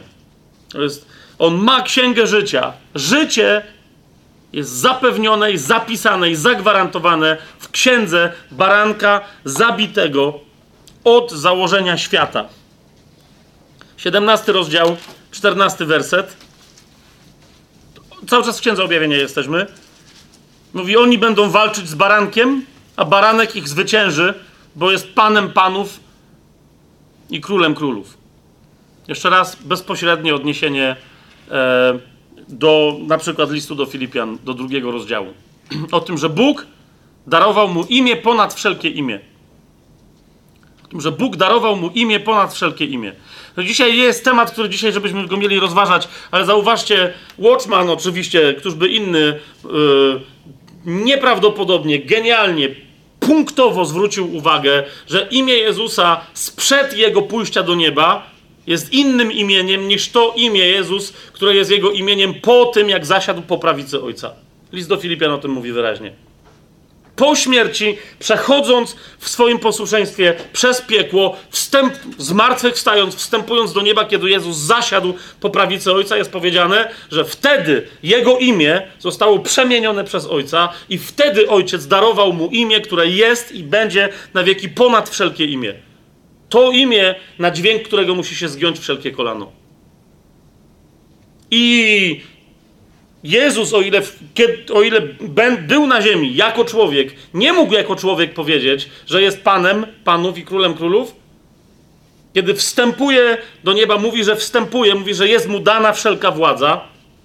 I w momencie, kiedy zasiada na tronie, z tego tam, tam jest uznany Panem Panów i Królem Królów. Najwyższą zwierzchnością, wobec której wyższy jest tylko Ojciec. Bo na końcu i Jezus, kiedy już wszystko podda, sam będzie poddany. Pierwszy do Koryntian o tym mówi. Amen? To jest Król Królów i Pan Panów. To jest baranek zabity. Rozumiecie? Baranek zabity od początku, który będzie, ukrzyżo- który będzie w tym tytule ukrzyżowany na wieki, jest, to mu nie odejmuje niczego z chwały i to mu nie odejmuje niczego z mocy. Amen? W Księdze Objawienia w 21 e, rozdziale, w 22 wersecie czytamy a propos Nowego Jeruzalem, a więc już rzeczywistości po tysiącletnim królestwie, w królestwie wiecznym, czytamy, że będzie tam, że, że właśnie nie będzie tam świątyni. To ciekawe. Dlaczego? Świątyni w nim nie widziałem, bo jego świątynią jest Pan Bóg Wszechmogący oraz baranek. Baranek jest świątynią. A miasto nie potrzebuje słońca ani księżyca, aby świeciły w nim, bo oświetla jest je chwała Boga, a jego lampą jest baranek. Ja jestem światłością świata. Baranek, który jest jakby zabity, ale żyje na wieki, jest światłością na wieki. I żadna ciemność go nie ogarnia. W Księdze Objawienia jeszcze w 20, 22 rozdziale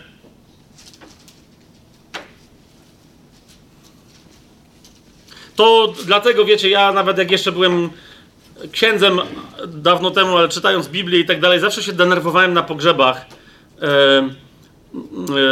katolickich, bo nie, nie, wiem jak jest na innych, bo ja tylko pogrzeby obsługiwałem jako ksiądz katolicki, e, bo tam taką regularną modlitwą e, z okazji tego, że ktoś umarł, była modlitwa do Boga, żeby, dał temu komuś, kto umarł, wieczne odpoczywanie. E, urlop na wieki. Wieczne odpoczywanie racz mu dać Panie, a światłość wiekuista niechaj mu świeci. Światłością jest baranek. Amen?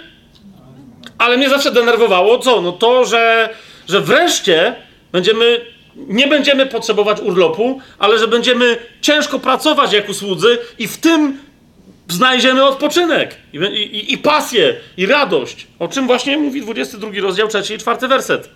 I nie będzie już żadnego przekleństwa, ale będzie tam tron Boga i baranka, a jego słudzy będą mu służyć. Nie będzie żadnego wiecznego odpoczywania, będzie wieczne służenie. Halleluja. Jeżeli tak ma być w niebie, i jak my wołamy, i jest cała dzisiaj ta teologia, jako w niebie, tak i na ziemi, i ściągamy rzeczy z nieba na ziemię, to, to, to w życiu nie, nie ściągniemy żadnej innej rzeczy, jeżeli najpierw z nieba na ziemię nie ściągniemy postawy służby. Rozumiecie, bo służba jest czymś, co się nie skończy. I dlatego, jak do Koryntian Paweł pisze, że teraz są, trwają wiara, nadzieja i miłość, ale z nich pozostanie tylko miłość, miłość wyraża się w służbie. I wtedy ta służba będzie wprost skierowana do Boga i do Jego baranka. Ale oprócz tego, że będziemy, Jego słudzy będą Mu służyć, czwarty werset mówi, i będą oglądać Jego oblicze, a Jego imię będzie na ich czołach. Wow! Wow! Wow! Wow! Wiesz, co to znaczy? To, to znaczy, jak, jak, nie pamiętam teraz, jak się na. Ach, to było, to było, och, to, to było parę zdań. To był ewangelista, ale, ale który do tego. Nie pamiętam nawet, jak się nazywał, no widzicie, ale, ale w imieniu Jezusa błogosławię cię, bracie, jeżeli jeszcze gdzieś tam żyjesz. Na ziemi, bo jak w niebie, to wiesz o co chodzi. No, on mówi, że ten. O czym mówi ten fragment? Że, że, że my, kiedy będziemy służyć, za każdym razem usługując Jezusowi, będziemy robić rzeczy i cały czas będziemy przychodzić do Niego mówić, że jeszcze chcemy więcej robić rzeczy, jeszcze więcej. I On za każdym razem będzie nas całował w czoło. I to znaczy, że będziemy przychodzić i oglądać Jego oblicze, a On nas będzie całować w czoło, to, to dlatego będziemy mieli Jego imię na naszych, na naszych czołach. Jak yy, nie wiecie dlaczego tak powiedział, to na razie zostawiam was w zagadce i w pewnej tajemnicy. Sami to sobie rozważcie. Nawiasem mówiąc, a propos zagadek, zrobię taką króciuteńką przerwę. Chciałbym serdecznie pogratulować zwycięstwa w ostatnim konkursie. Olga wygrała. E, nie dlatego, żeby ktokolwiek inny jeszcze konkurował, bo jedna jedyna mi napisała mm, e, na Whatsappie. Jak pamiętacie, ostatnio zadałem zagadkę, który to z Herodów miał na pięku, bo tych Herodów było wielu, jak ostatnio mówiliśmy, miał na pięku z cesarzem i koniec swojego życia spędził w Wiedniu. I jedna, jedyna Olga postanowiła się zająć sprawą, także w nagrodę y, cała teraz Polska słuchająca tajemnego planu się dowie, nie tylko tu obecni, że jest taka zawodniczka, sprawdziła, że był to Herod jaki? Archelaus. Archelaus, zwany też Archelausem, e, zależy od tego, czy ktoś po grecku, czy po łacinie go chciał nazywać, Herod Archelaus. E, oczywiście tam trik był jeden delikatny taki, że Wiedeń, e, Wiena, e, to, to nie jest ten dzisiejszy austriacki Wiedeń, tylko, e, tylko, tylko to jest miejscowość we Francji. To jest, to był południowy wschód Galii i dzisiaj to jest też południowo-wschodnia chyba, chyba Francja, ale mimo wszystko Olga e, się zawzięła i Heroda Archelaosa znalazła. Także e, krótki oklask e, dla Olgi. Krótki! Krótki oklask jest taki. Em, dobra, teraz wracamy do poważnych, e, do poważnych kwestii, ale mi się no, przypomniało bardzo ważne. Więc zatem, kochani, e, jakbyśmy gdzieś koło 2,5 godziny byli, to, to mi daj wyraźnie znak, żebym lądował, ale musimy dzisiaj ile się da e, e, z tego wy, wycisnąć. E, jest to w miarę zrozumiałe i z tego, co Watchman mówił, i z tego, co w Biblii znajdujemy, że Chrystus od momentu swojego ukrzyżowania, jak krzyknął, wykonało się i oddał ducha, e, że pozostaje, mimo swojego zmartwychwstania, pozostaje Chrystusem ukrzyżowanym? Tak? Okej, jak nie, no to sobie przesłuchajcie tego jeszcze ze dwa razy i albo mi coś zmieńcie w moim postrzeganiu tego, co się dzieje w Słowie Bożym, albo to przyjmijcie. Teraz, więc co, co to więc oznacza? Tak? Po pierwsze, to oznacza, że krzyż musi się znajdować w centrum naszego głoszenia. Po, po, po prostu, tak? Ukrzyżowany, Chrystus ukrzyżowany, bo krzyż oznacza nie mm, docelowo pusty krzyż, tak, ale najpierw ukrzyżowany musi się znajdować w centrum każdego naszego e, głoszenia. Pierwszy list do Koryntian o tym bardzo wyraźnie zaświadcza. E, wiem, że ja te cytaty e, powtarzam jak, jak Katarynka ostatnio, a, ale bo, bo potrzebujemy, bardzo potrzebujemy mieć te cytaty wytatuowane na sercach i na umysłach. Po prostu. Czyli to jest pierwszy do Koryntian, pierwszy rozdział, 17 werset. Paweł mówi, bo Chrystus nie posłał mnie, abym chrzcił, ale abym głosił Ewangelię. Dobrą nowinę. To, to jest to, tak? I teraz zauważcie, co mówi. I to nie w mądrości słowa, aby nie zniweczyć krzyża Chrystusa. Ja, nawet jeżeli masz intencję, żeby głosić dobrą nowinę, ale zaczynasz kombinować, Twoja mowa, żeby była delikatna, mądra, logiczna, rozumiesz, świetnie skonstruowane, retoryka. I on mówi, nie, nie, może, nie może się cokolwiek zdarzyć w naszym głoszeniu Ewangelii, co by miało zniweczyć krzyż Chrystusa. W 23 wersecie jeszcze raz Paweł powtarza: My głosimy Chrystusa ukrzyżowanego, który dla Żydów jest zgorszeniem, a dla Greków głupotą. Jeszcze raz, Żydzi i Grecy oznaczają de facto całą ludzkość jeszcze niezbawioną. Być może nam się uda dzisiaj dotrzeć do tego, do tego wątku. Żydzi i Grecy oznaczają po prostu jednego starego Adama, tak? który się podzielił w pewnym momencie na Żydów i na Greków. Grecy oznaczają nie obrzezanie, a Żydzi oznaczają obrzezanie, tak? ale nie ma żadnego innego trzeciego typu człowieka. Więc o to chodzi, że my głosimy Chrystusa ukrzyżowanego, który dla całej ludzkości jest albo zgorszeniem, albo głupotą. I to jest dokładnie, to jest dokładnie coś, przez co Bogu upodobało się zbawiać tą ludzkość, która chce odrzucić tego ukrzyżowanego jako coś głupiego albo jako coś wręcz mm, gorszącego.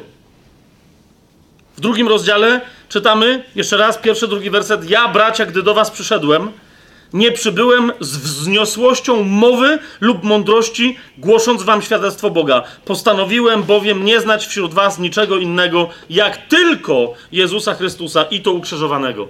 To wystarczy. Tylko Chrystus ukrzyżowany.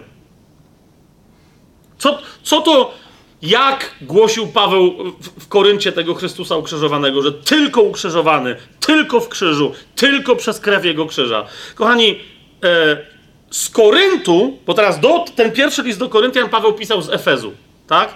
Ale kiedy Paweł przyszedł, jak tu czytamy, ja do was przybyłem, kiedy Paweł przyszedł do Koryntu, został w Koryncie półtorej roku i z Koryntu, pamiętacie, pisał list do Rzymian.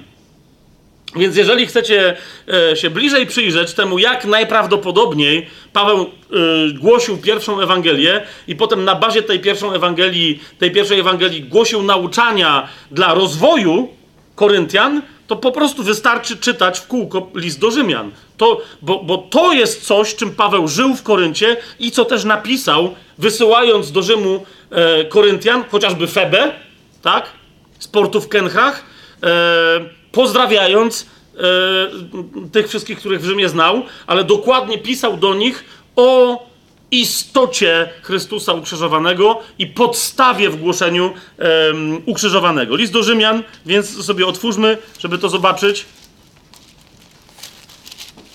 Centrum głoszenia Ewangelii.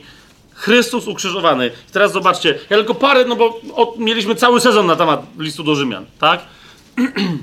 Ale teraz jeszcze raz, żebyśmy zobaczyli, to list do Rzymian to nie było tylko po prostu Paweł siadł i stworzył e, tę genialną katedrę, jak ją Derek Prince nazywał, tak? Teologicznej logiki i, i, i, mocy i spójności, ale po prostu to było coś, co on regularnie wtedy głosił e, w Koryncie. Postanowił, że nie chce już wiedzieć niczego innego, nie chce na niczym innym się koncentrować. List do Rzymian, trzeci rozdział, wersety 23-25. Wszyscy bowiem zgrzeszyli i są pozbawieni chwały Boga, a zostają usprawiedliwieni darmo z Jego łaski przez odkupienie, które jest w Jezusie Chrystusie. Jego to Bóg ustanowił przebłaganiem przez wiarę w Jego krew, aby okazać swoją sprawiedliwość przez odpuszczenie w swojej cierpliwości przedtem popełnionych grzechów. Piąty rozdział. Wersety 8-10. Zobaczcie jeszcze raz. Bóg okazuje nam swoją miłość E, bywało, już ostatnio na szczęście takich rozmów jakoś nie mam, ale, ale bywało, że miałem takie rozmowy. Ktoś mi mówił, że, że nie, nie, nie, ale zanim my dojdziemy do krzyża, to chodziło o tam konstrukcję ewangelizacyjnych eventów. Nie, zanim dojdziemy do krzyża, to nie możemy od razu ludzi tak hardcorem takim pojechać. Nie musimy o miłości, Ojca mówić, o, że Bóg jest dobry, że bardzo nas lubi, że się wszyscy utulili i ugłaskali. I to była zawsze moja wtedy odpowiedź e, na, tego rodzaju, na tego rodzaju e, konstrukcję dobrej nowiny. Paweł pisze o miłości Ojca. I co pisze? Piąty rozdział listu do Rzymian, ósmy werset i dalej. Bóg okazuje nam swoją miłość przez to, że gdy jeszcze byliśmy grzesznikami, Chrystus za nas umarł. Krzyż. Tym bardziej więc teraz, będąc usprawiedliwieni Jego krwią, będziemy przez Niego ocaleni od gniewu. Jeżeli bowiem, będąc nieprzyjaciółmi, zostaliśmy pojednani z Bogiem przez śmierć Jego Syna, tym bardziej będąc pojednani, będziemy ocaleni przez Jego życie. Śmierć Jego Syna jest wyrazem Jego miłości. Wszystkie inne historie są tylko pseudo, sentymentalno, romantyczno, dziwnymi opowiastkami o tym, jak chcielibyśmy, żeby wyglądali nasi ziemscy ojcowie, kiedy byliśmy dziećmi. Ósmy rozdział listu do Rzymian, yy, no bo no właśnie, tak, żeby tylko trzy takie fragmenty wyjąć. Ósmy rozdział listu do Rzymian, trzeci, czwarty werset, który już nie mówi tylko o odkupieniu, ale o dojrzewaniu przez Chrystusa ukrzyżowanego, przez moc Jego, Jego krzyża. Rzymian 8, 3, 4. Co bowiem było niemożliwe dla prawa, w czym było ono słabe z powodu ciała, Bóg posławszy swojego syna w podobieństwie grzesznego ciała i z powodu grzechu potępił grzech w ciele, aby sprawiedliwość prawa wypełniła się w nas, którzy postępujemy już nie według ciała, ale według ducha. Amen? Amen. List do Kolosan. List do Kolosan to jest inny przykład e, przypomnianej Ewangelii, o której Paweł pisze do y, nawróconych już ludzi. A więc zauważcie, to jak mówimy, że krzyż ma się znajdować w centrum naszego głoszenia Ewangelii, to mówimy o głoszeniu dobrej nowiny wobec niewierzących, ale także o ewangelizacji wobec wierzących. Usługa ewangelistów jest skierowana w ramach pięciorakiej służby do wewnątrz kościoła. Ona nie jest tylko skierowana na zewnątrz. I nie tylko po to, żeby ci, którzy już są nawróceni, żeby sami wiedzieli, jak głosić Ewangelię dalej, ale my nieustannie potrzebujemy być przywracani do fundamentalnych prawd o Chrystusie ukrzyżowanym. I to jest to, co Paweł robi między innymi pisząc do Kolosan. Pierwszy rozdział listu do Kolosan od 13 wersetu. Zobaczcie, mówi o Jezusie, o Ojcu, który nas wyrwał z mocy ciemności i przeniósł do królestwa swojego umiłowanego Syna, w którym mamy odkupienie przez Jego krew, przebaczenie grzechów. I dalej Paweł yy, aż do 22 wersetu rozwija. On jest obrazem Boga niewidzialnego i pierworodnym wszelkiego stworzenia. Przez niego bowiem wszystko zostało stworzone, to co w niebie i to co na ziemi, to co widzialne i co niewidzialne, czy trony, czy panowania, czy zwierzchności, czy władze. Wszystko przez niego i dla niego zostało stworzone. On jest przed wszystkim i wszystko istnieje dzięki niemu. On też jest głową ciała, kościoła. On jest początkiem i pierworodnym z umarłych, aby we wszystkim był pierwszy ponieważ upodobał sobie ojciec, aby w nim zamieszkała cała pełnia i żeby przez niego pojednał wszystko ze sobą, czyniąc pokój przez krew jego krzyża. Przez niego mówię to, co jest na ziemi, jak i to, co jest w niebie. I was, którzy kiedyś byliście obcymi i wrogami, umysłem w niegodziwych uczynkach, teraz pojednał w jego doczesnym ciele przez śmierć, aby was przedstawić jako świętych, niepokalanych i nienagannych przed swoim obliczem. Widzicie, że dzieło specjalnie y, y, tu się zatrzymuje zacząłem też nie za bardzo od początku, żeby pokazać, jak Paweł demonstruje, mówi to coś, co nas przeniosło z ciemności do światła, z potępienia do królestwa Jego Syna. Krew Jego krzyża nadal musi w nas pracować, musi być centrum naszego y, głoszenia, bo on w tym swoim doczesnym ciele tyle wycierpiał i umarł nie tylko, żeby nas zbawić, ale, 22 werset, aby nas przedstawić jako świętych, nieskalanych i nienagannych przed swoim obliczem. Drugi rozdział od dziewiątego wersetu mówi, gdyż w nim mieszka cieleśnie cała pełnia bóstwa.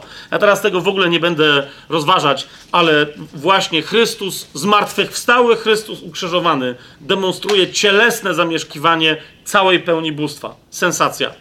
Dla Żydów dalszy ciąg zgorszenia.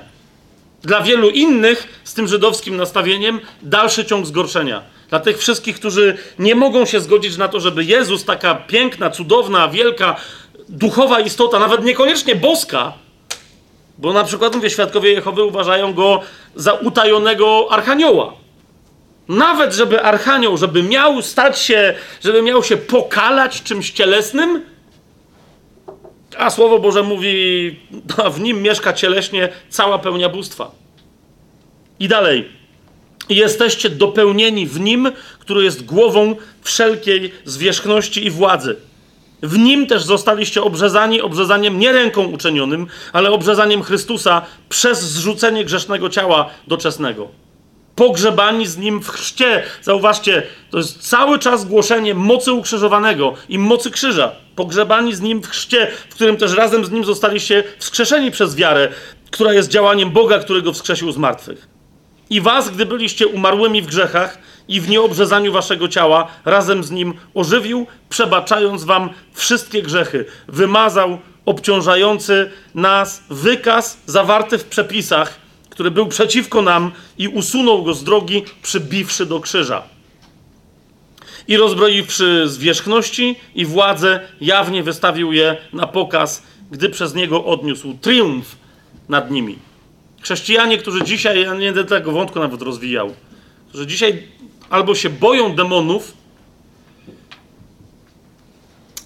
że nie chcą mieć z nimi niczego do czynienia, albo kiedy się one manifestują, boją się coś robić, tylko uciekają od tego, albo nawet chrześcijanie, którzy się zajmują demonami, ale potem się okazuje, że demony, te demony ich nie słuchają. Jeszcze raz, wyraźnie te postawy, albo nieskuteczność w ramach tych postaw jest związana z nieprzejściem, naszym nieprzejściem przez krzyż do końca. Dlaczego? Bo ktoś, kto mówi do demona z drugiej strony krzyża, mówi z wysokości Chrystusa, mówi do niego z góry na dół i demon się nawet nie zastanawia, tylko od razu słucha. Zauważcie, Paweł jak wyrzuca demony, Jezus jak wyrzuca demony, ale potem Paweł, on się nie modli o nic, po prostu jak już trzeba, zwraca się do demona i mówi wyjdź i on wychodzi. Przychodzą egzorcyści żydowscy, pamiętacie? Synowie, synowie z Cewy w dziejach apostolskich coś tam zaczynają cudować. Oni myślą, że to jest taka magia. Więc chcą wyrzucić demony w imię Jezusa, którego głosi Paweł. I pamiętacie, co się w ramach demonicznego, demonicznej odpowiedzi, czego się dowiadują? Jezusa znamy, o, o, o, o Pawle żeśmy słyszeli, też go znamy. A wy kto jesteście? I, i niektórzy chrześcijanie, rozumiecie, próbują wzywać imię Jezusa nie z tej strony krzyża, co trzeba. Zaraz o tym więcej, zaraz o tym więcej powiem. Myślą, że po prostu, ponieważ ja jestem chrześcijaninem, jestem chrześcijanką, to wystarczy, że wezwę imienia Jezus. To nie, nie, nie.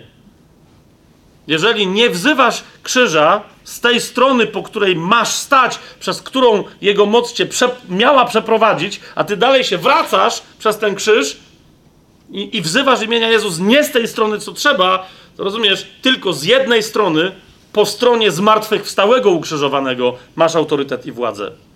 A nie z tej, która jeszcze oczekuje, żeby się przecisnąć przez krzyż i żeby ten krzyż z ciebie czy ze mnie zdjął yy, to, co nam w autorytecie i, i, i władzy przeszkadza. Chcę zwrócić uwagę na jedną rzecz, bardzo tylko szybko. Yy, przyjrzałem się całemu głoszeniu w dziejach apostolskich, to już kiedyś, yy, ale, ale to, potem to jeszcze powtórzyłem. Yy, bo jest mowa w dziejach apostolskich o tym, że na różne sposoby w różnych miejscach była głoszona Ewangelia. Ale też mamy konkretne zapisy, przynajmniej takie schematyczne, jak była głoszona Ewangelia. Ok?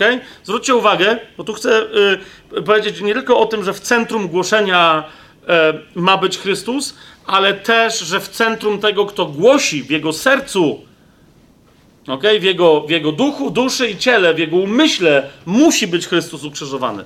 Inaczej e, rzecz się nie dokona. Najpierw, e, znaczy, jakiekolwiek by to nie było głoszenie, ja teraz oczywiście pomijam mowy, które są przedstawione na przykład w ramach e, zgromadzenia w Jerozolimie, kiedy tam przemawiają, na przykład Jakub tam przemawia, ale to są dyskusje na temat dyscypliny w kościele, tak? To nie jest głoszenie Ewangelii, więc zostają tylko te, czy na przykład Paweł, kiedy się broni przed Sanhedrynem, czy przed ludem w Jerozolimie, gdzie zresztą mu nie pozwalają mówić, to, to nie są mowy, które brałem pod uwagę. Ja teraz mówię o mowach, w których ewidentnie trzeba było głosić dobrą nowinę. Więc po pierwsze, to jest, to jest przemówienie kazanie Piotra w dzień pięćdziesiątnicy.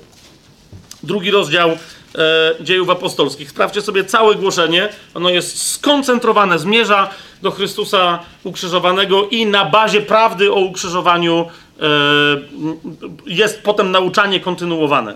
Tak? Ten wątek, ogłoszenie Chrystusa ukrzyżowanego, to jest drugi rozdział dziejów apostolskich, 36 werset. Śmiało bez ględzenia, bez owijania w bawełnę. Niech więc cały dom Izraela wie z pewnością, że tego Jezusa, którego wy ukrzyżowaliście, Bóg uczynił i Panem, i Chrystusem. Całe głoszenie zmierza do tego obwieszczenia. Wobec ludzi, z których bardzo wielu mogło uczestniczyć i być świadkami ukrzyżowania, rozumiecie? Bo to było trzy miesiące wcześniej. Ukrzyżowanie. Nawet nie, co ja gadam. Dalej, trzeci rozdział dziejów apostolskich. E, Piotr głosi do ludzi zgromadzonych w świątyni po uzdrowieniu, którego byli świadkami. To jest trzeci rozdział, czternasty, piętnasty werset. Oczywiście głównie tam są zebrani znowu kto? Żydzi, bo są w świątyni. A wy wyparliście się świętego i sprawiedliwego i prosiliście o uwolnienie wam mordercy. I zabiliście dawcę życia, którego Bóg wskrzesił z martwych, czego my jesteśmy świadkami. Zauważcie, zanim jest mowa o zmartwychwstaniu, jest mowa o śmierci. Co, co więcej, Piotr się nie bawi, Piotr się nie boi. Piotr wie, że nie ma co owijać w bawełnę, nie ma co dosładzać do prostej prawdy. Wyparliście się świętego i sprawiedliwego. Pierwsza zła wiadomość związana z krzyżem dla każdego grzesznika. Druga, prosiliście o uwolnienie wam mordercy. Wcześniejsze wasze wybory życiowe były wyborami nie, nie Jezusa, ale innych, i to zawsze jest wybór mordercy, czyli szatana. I po trzecie, zabiliście dawcę życia, którego Bóg wskrzesił z martwych, a my jesteśmy tego świadkami. Następne głoszenie, czwarty rozdział, głoszenie przed Sanhedrynem. Bardzo krótkie, ale jednak, znowu, centralny jego punkt. Czwarty rozdział, dziesiąty werset i dalej. Niech wam wszystkim i całemu ludowi Izraela będzie wiadomo, że w imieniu Jezusa Chrystusa z Nazaretu, którego wy ukrzyżowaliście, to już jest wystąpienie przed Sanhedrynem, którego wy ukrzyżowaliście, a którego Bóg wskrzesił z martwych, przez niego on stoi przed wami zdrowy, bo tam cały czas była sprawa z tym uzdrowionym człowiekiem.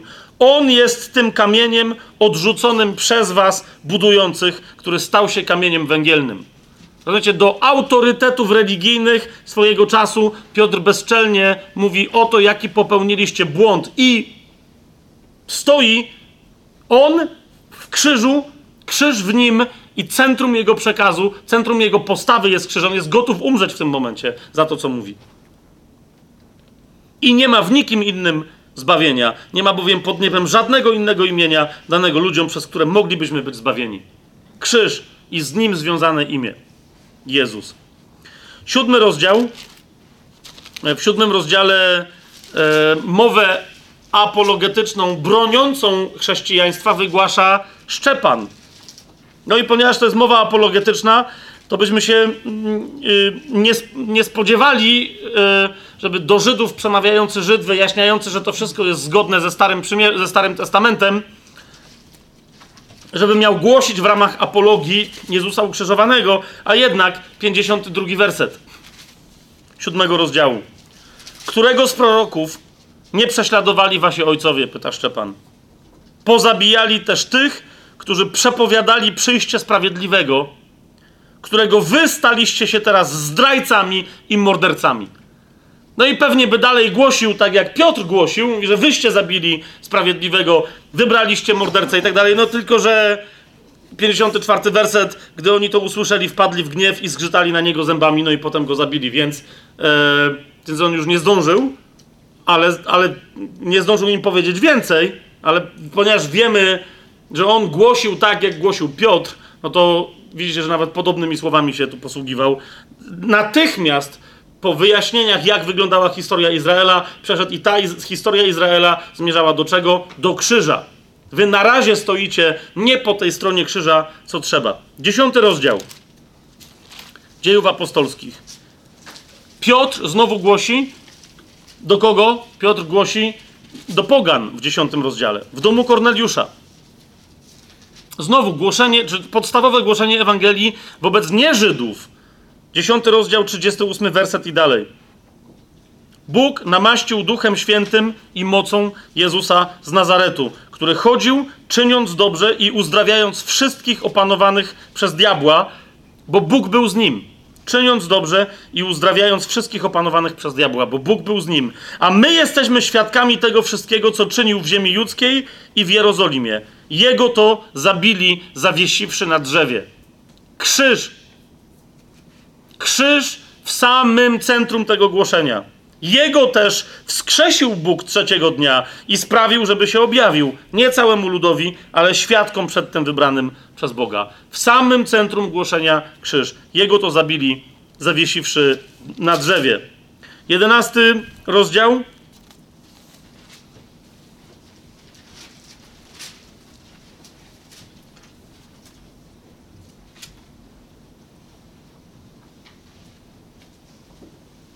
Dobrze, bo nie, nie mamy czasu. Yy, idziemy dalej. 20 rozdział, bo tu będę tak kontynuować. Zmierzam do, jed, do, do, jednej bardzo interesującej kwestii. A niektórzy z Was pewnie już wiedzą, o co mi chodzi. E, Paweł.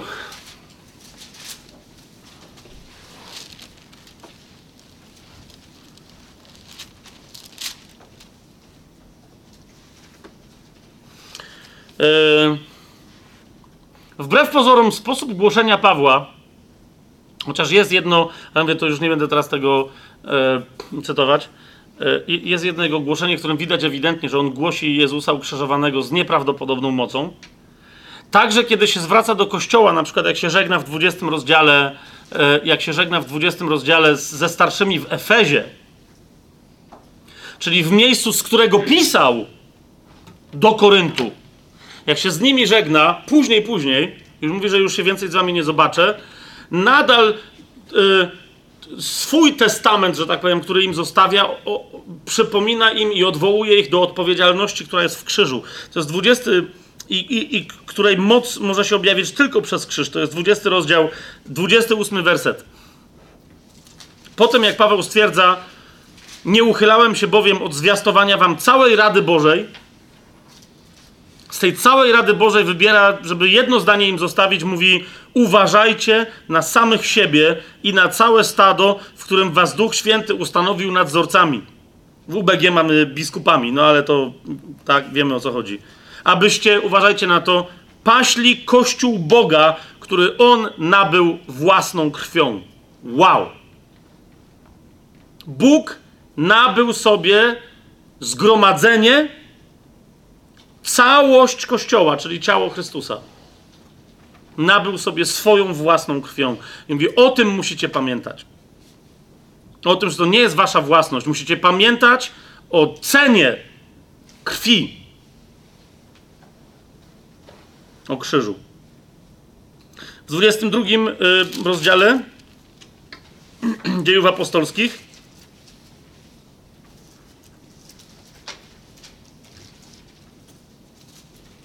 też nawet nie.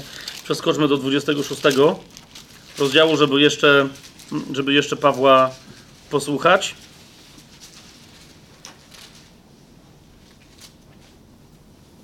W 22, 23 wersecie przed królem Agrypą e, Paweł co prawda się broni, to jest jego mowa, on, po prostu jest sąd, jego sądzą, on się broni, nadal nawet w tego typu sytuacji głosi ukrzyżowanego. To jest 26 y, rozdział, 22, 23 werset.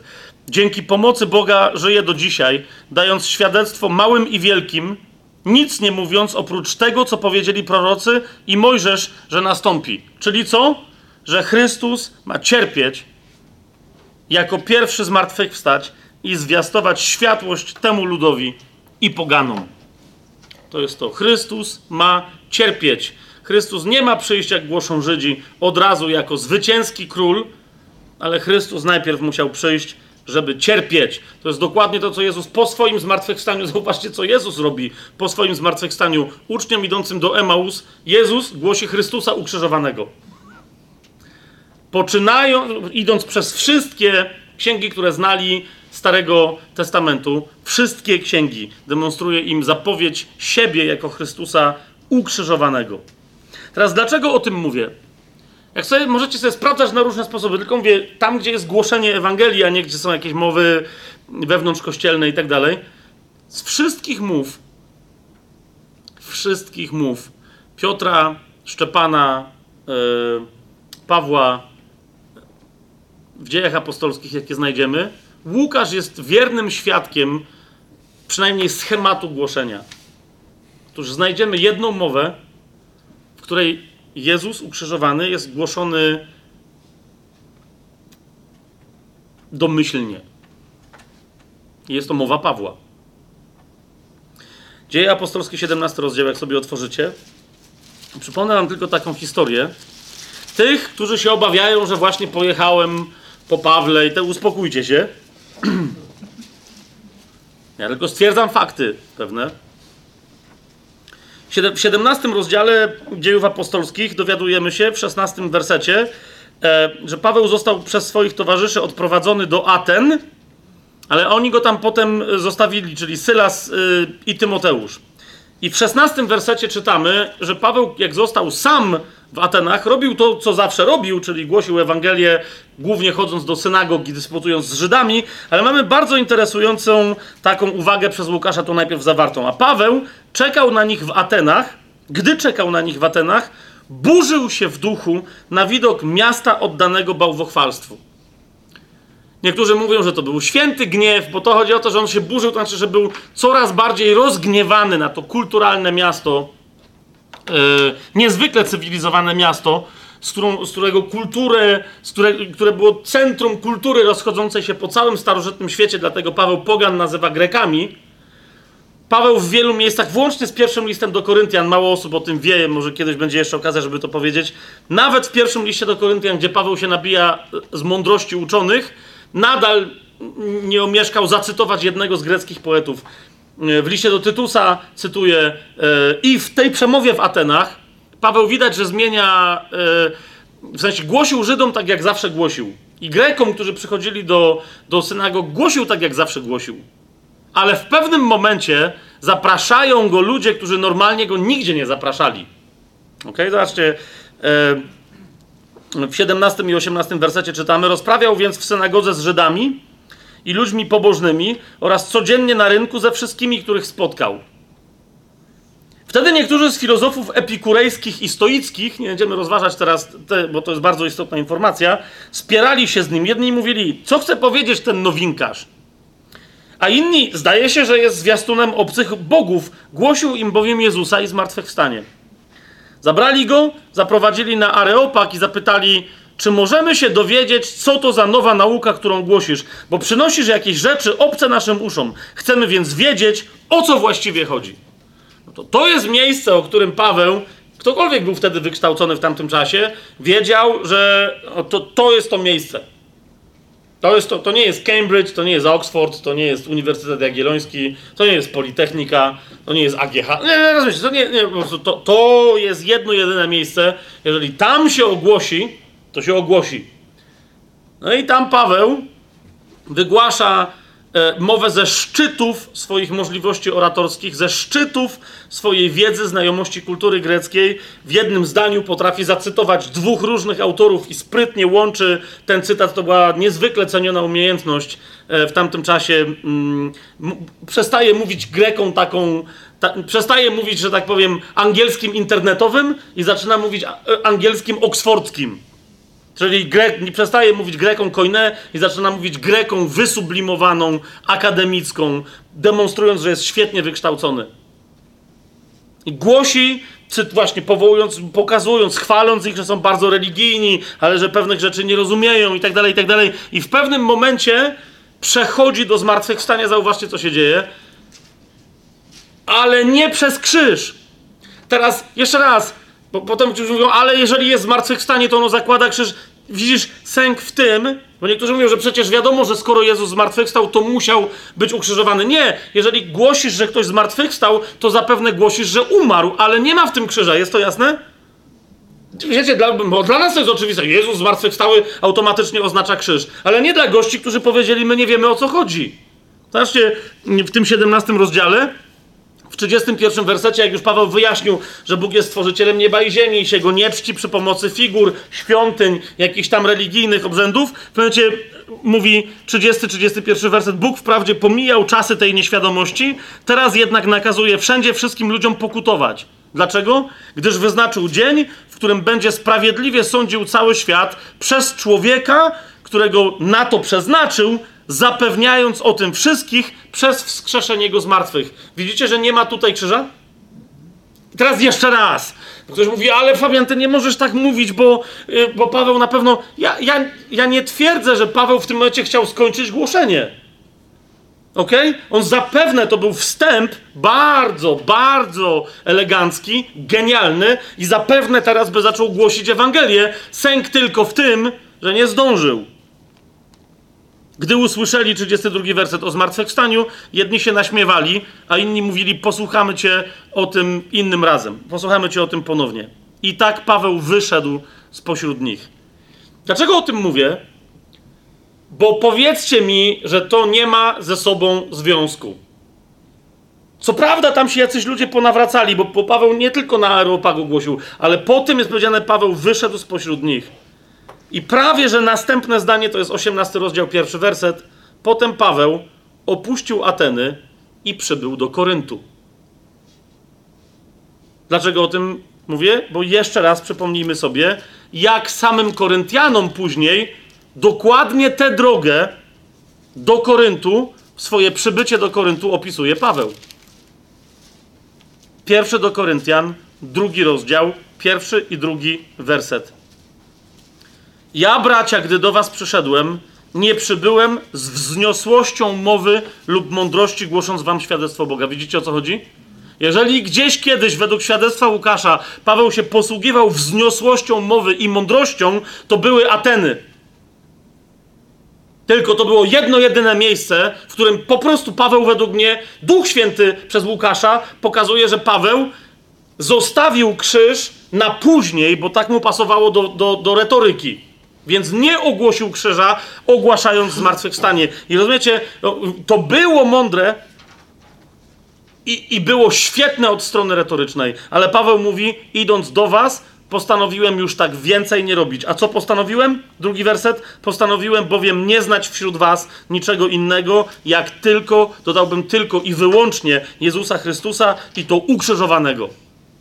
Rozumiecie, to wydarzenie w Atenach było nieprawdopodobnie dla Pawła przemieniające i ono jest związane z czymś, co się tak łączy z krzyżem, że Paweł powiedział: Postanowiłem od tej pory nie znać nikogo, tylko Chrystusa i to ukrzyżowanego, i nigdy więcej w żaden inny sposób. On zademonstrował, że może, że, może że, że wzniosłość mowy nie jest mu niedostępna. Mądrość, hej, kto czyta Pawła i naprawdę chce tam, to widzicie, że on nawet jak nie chce, to jest mądry.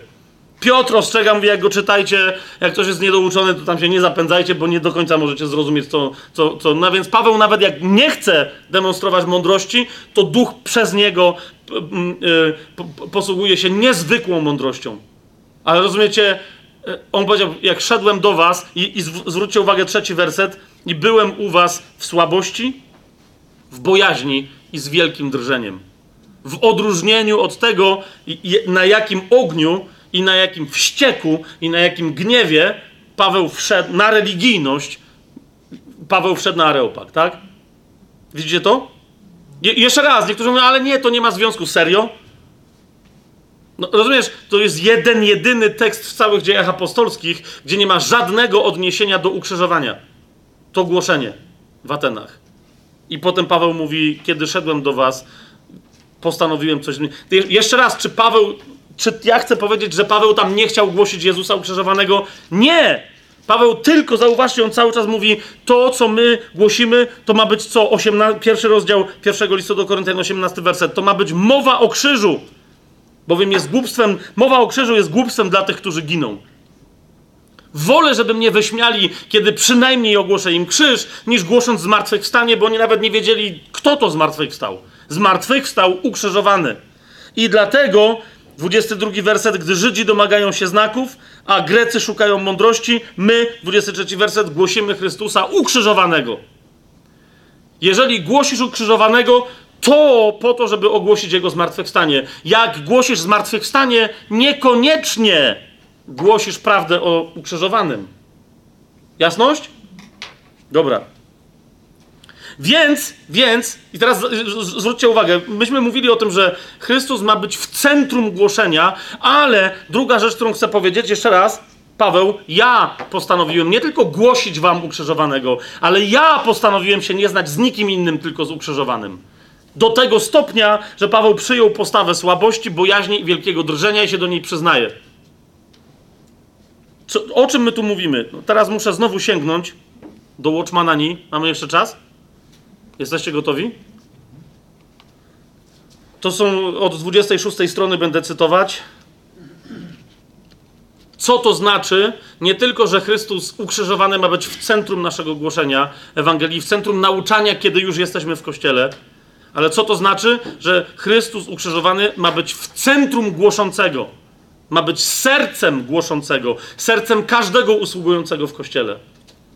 Jeszcze raz, pamiętajcie, to nie jest mleko, to, to jest twardy pokarm i jeżeli cokolwiek tu się okaże niezrozumiałe, cierpliwości, a cokolwiek się okaże zrozumiałe, a się okaże raniące dla ciebie, tym bardziej cierpliwości. Daj to Duchowi Świętemu, bo on sobie z tym poradzi. Ale pamiętaj, krzyż dokładnie taki jest. Jak się do niego zbliżasz, ponieważ masz życie przez niego, on cię pociąga, ale cię pociąga, żeby cię przepuścić ku mocy zmartwychwstania. Zmartwychwstanie jest tym, co przeszło przez krzyż, co przeszło przez śmierć i dalej żyje. Amen? No to uwaga. Watchman ni Chrystus rzeczywistością wszelkich duchowych rzeczy i postaw. Tak mówi yy, i spraw. Tak mówi o tym, że krzyż ma być w centrum głoszącego. Jeszcze raz powtarzając tę samą myśl, którą już znamy, ale teraz właśnie w odniesieniu do usługi w kościele. Mówi tak. Zmartwychwstaniem jest coś, co nosi znamie śmierci, a jednak wciąż żyje. Nie sądź, że wszystko będzie w porządku, o ile będziesz wymowny, bystry i utalentowany. Możliwe, że będziesz wymowny i zarazem będzie ci brakowało znamienia śmierci. Jakiś brat może być bardzo kompetentny, zdolny i pełen życia.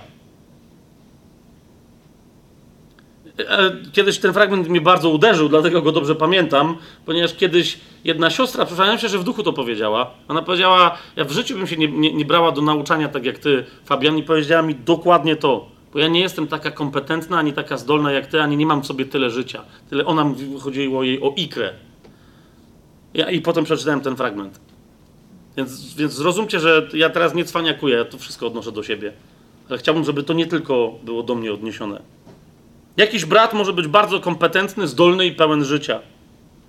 Jednakże ma w sobie zbyt dużo pewności siebie i ufności we własne możliwości. Myśli, że świetnie poradzi sobie z każdą rzeczą mu powierzoną. Nie ma jednak najmniejszego śladu znamienia śmierci. Nie widać go w jego umiejętnościach. Nie można dopatrzeć się w nim znamienia śmierci, pomimo tego, że jest on pewny siebie, ufa w swoje możliwości i jest bardzo energiczny. Nie oznacza to, że człowiekowi, który doświadczył zmartwychwstania, od tej pory, gdy tego doświadczył, brak już wszelkich zdolności. Znaczy to jedynie, że osoba taka, w domyśle, która doświadczyła przejścia przez krzyż, nie śmie już dłużej ufać sobie i że straciła całą pewność siebie. Jej własna energia uległa osłabieniu. Na tym polega zmartwychwstanie. Powracający refren. I teraz posłuchajcie, w bezpośrednim odniesieniu do tego, co pisze Paweł. Do pierwszego do Koryntian. Watchman mówi: Paweł pisał do swojego kościoła w Koryncie, mówiąc: I stanąłem przed wami w słabości, i w bojaźni, i z wielkim drżeniem. Słowa te wypowiedział człowiek, który znał Boga. Co za szkoda, że wśród chrześcijan jest dzisiaj tylu zbyt silnych i zbyt pewnych siebie. Tymczasem oto mamy człowieka, który mówi, że jest w słabości i w bojaźni i z wielkim drżeniem. Otóż na jego ciele widać bliznę, widać pieczęć śmierci. Jeżeli naprawdę wiecie, czym jest zmartwychwstanie, staniecie się innymi ludźmi. Wiele rzeczy zostanie wam zabranych. Zmartwychwstanie tylko to, co ma w sobie życie. Wszystko, co martwe, próchnieje. To wszystko, co ma w sobie życie, przy przejściu przez krzyż dopiero zmartwychwstaje. Kiedy doświadczamy krzyża, wiele rzeczy pozostaje w stanie śmierci i już nie powróci. Zmartwychwstanie jedynie to, co jest od Boga. Uważajcie teraz na to. Kiedy dotykamy krzyża, sami zostaniemy wyeliminowani. Krzyż przypomina olbrzymi znak odejmowania, bo odejmuje wiele rzeczy. Non-stop krzyż jest pokazywany w chrześcijaństwie jako plus. Nie? Żeby krzyż się stał plusem, najpierw potrzebuje być tą belką minusową. Kiedy dotykamy krzyża, sami zostaniemy wyeliminowani. O co się prosiliśmy w chrzcie? Krzyż przypomina olbrzymi znak odejmowania. Odejmuje wiele rzeczy. I dalej, no to, to nie jest wszystko na temat tego, że krzyż ma być w centrum osoby usługującej. Tu dopiero Watchman kontynuuje.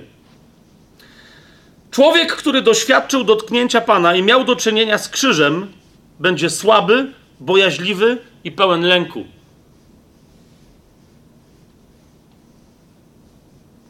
Ta, ta, ta, ta, ta. Ja, ja wiem, ja wiem, ja wiem, ja wiem. Ja nawet jak teraz to czytam, rozważam to od nie wiem jak długiego czasu. Moc, chwała, moc, życie, moc, zmartwychwstanie. Zmartwychwstanie ma moc. Moc. Mo, gdzie jest moc? Dlaczego? Jak to? Dla, to jest podstawowy objaw mocy. Moc ma być czymś, co należy do Pana i tylko i wyłącznie Jemu oddaje chwałę, a nie czymś, co, co pozwala mi się poczuć lepiej. Dlatego, pamiętacie, w drugim liście do Koryntian Paweł powie, moc doskonali się w czym? W słabości. Jeżeli z czegoś mówi, będę się chlubił, to ze swoich słabości. Dlaczego? Bo to jest kanał, przez który przechodzi pańska moc, a nie moja. Dobra, wracam, bo już zabrałem za komentarz. Watchman.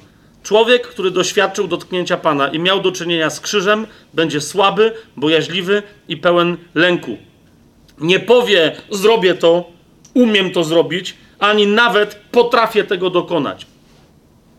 Od tej pory będzie nadal działał, ale będzie w swoim działaniu pełen bojaźni Boga. Będzie dalej szedł naprzód, ale jego podążanie za Bogiem będzie przypominało chodzenie Abrahama krok w krok z Bogiem. Bóg dojrzy w takim człowieku bliznę śmierci.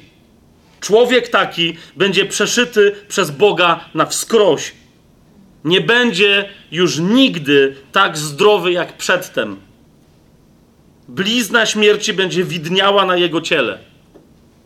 Oto zmartwychwstanie. I Watchman kontynuuje. Często w sprawach duchowych mamy do czynienia ze służbą człowieka dla Boga, opartą na rzeczach naturalnych. Rzadko spotykamy się ze służbą opartą na rzeczach zmartwychwstałych. Wielu ludzi ma entuzjazm, ale tylko niektórzy mają entuzjazm w zmartwychwstaniu. Entuzjazm, który już przeszedł przez śmierć, a mimo to pozostał żywy. Przemożna część dzisiejszego entuzjazmu w kościele to jedynie pierwszy zapał. I nie jest to zapał długotrwały. Możemy znaleźć wielu braci, gorliwych i zdolnych. Ich zdolność jednak jest pierwotną zdolnością, która nigdy jeszcze nie przeszła przez śmierć. Jeżeli nasze życie przed Bogiem czerpiemy z naturalnej rzeczywistości, to nie wiedziemy go w zmartwychwstaniu. Aby tego doświadczyć, powinniśmy być pełni oczekiwania, że Bóg będzie w nas działać. Możemy być świetnie zaznajomieni z wieloma doktrynami. Jeżeli jednak Pan nie zada nam ostatecznego ciosu, to na zawsze pozostaniemy tacy sami. Czasami upadamy i odczuwamy ból, ale ból ten trwa zaledwie kilka dni albo kilka miesięcy.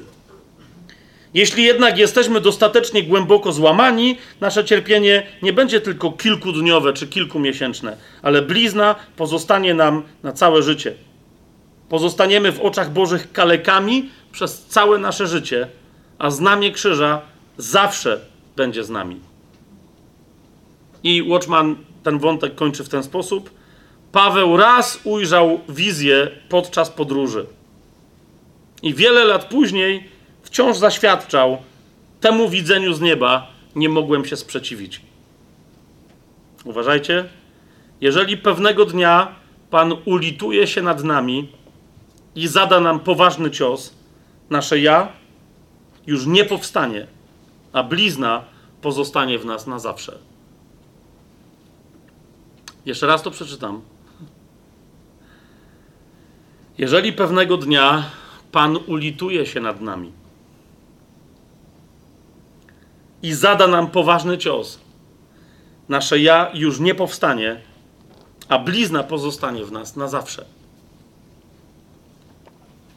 Jeżeli Pan się nad nami pewnego dnia ulituje,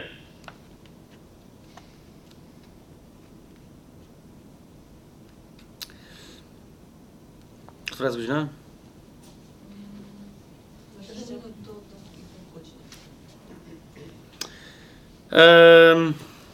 No, tego wszystkiego, co na dzisiaj pomyślałem, że nam się uda zrobić, nie, nie, nie zrobimy tego dzisiaj.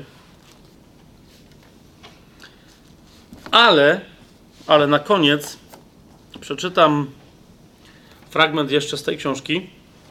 Radykalni uczniowie Johna Stota. Której on się odnosi do. A propos Watchmana, żeby tym skończyć. Powiecie, E, zauważcie, czego, zauważcie, co się stało teraz. Zrobiło się poważnie. Teraz się zastanawiasz, jak Pan ma mnie uderzyć. Pamiętaj, my, my nie głosimy cierpiętnictwa na litość boską. My nie głosimy, rozumiesz, to nie jest powrót do, do, do, do tego cierpiętnictwa, które na przykład w kościele rzymskokatolickim jest preferowane, że wiesz, musi na ciebie spaść krzyż, krzyż to jest cierpienie bezsensowne, ktoś bliski ci musi umrzeć, musi ci nogę urwać, czy wiesz, coś w tym stylu. Jeszcze raz, zobacz, Paweł, który doświadcza takiego ciosu, już wielokrotnie doświadczywszy wielu ciosów, będąc prześladowanym, już wielokrotnie prawie go zabili. Ten ostateczny cios, po którym Paweł mówi: Postanowiłem nie znać nikogo ani niczego innego, jak tylko Chrystusa i to ukrzyżowanego. 17 rozdział dziejów apostolskich mówi, że w ramach tego ciosu nadal jego głoszenie miało skutek. Zobacz, 17 rozdział dziejów apostolskich, 34 werset mówi: Niektórzy ludzie przyłączyli się do niego i uwierzyli.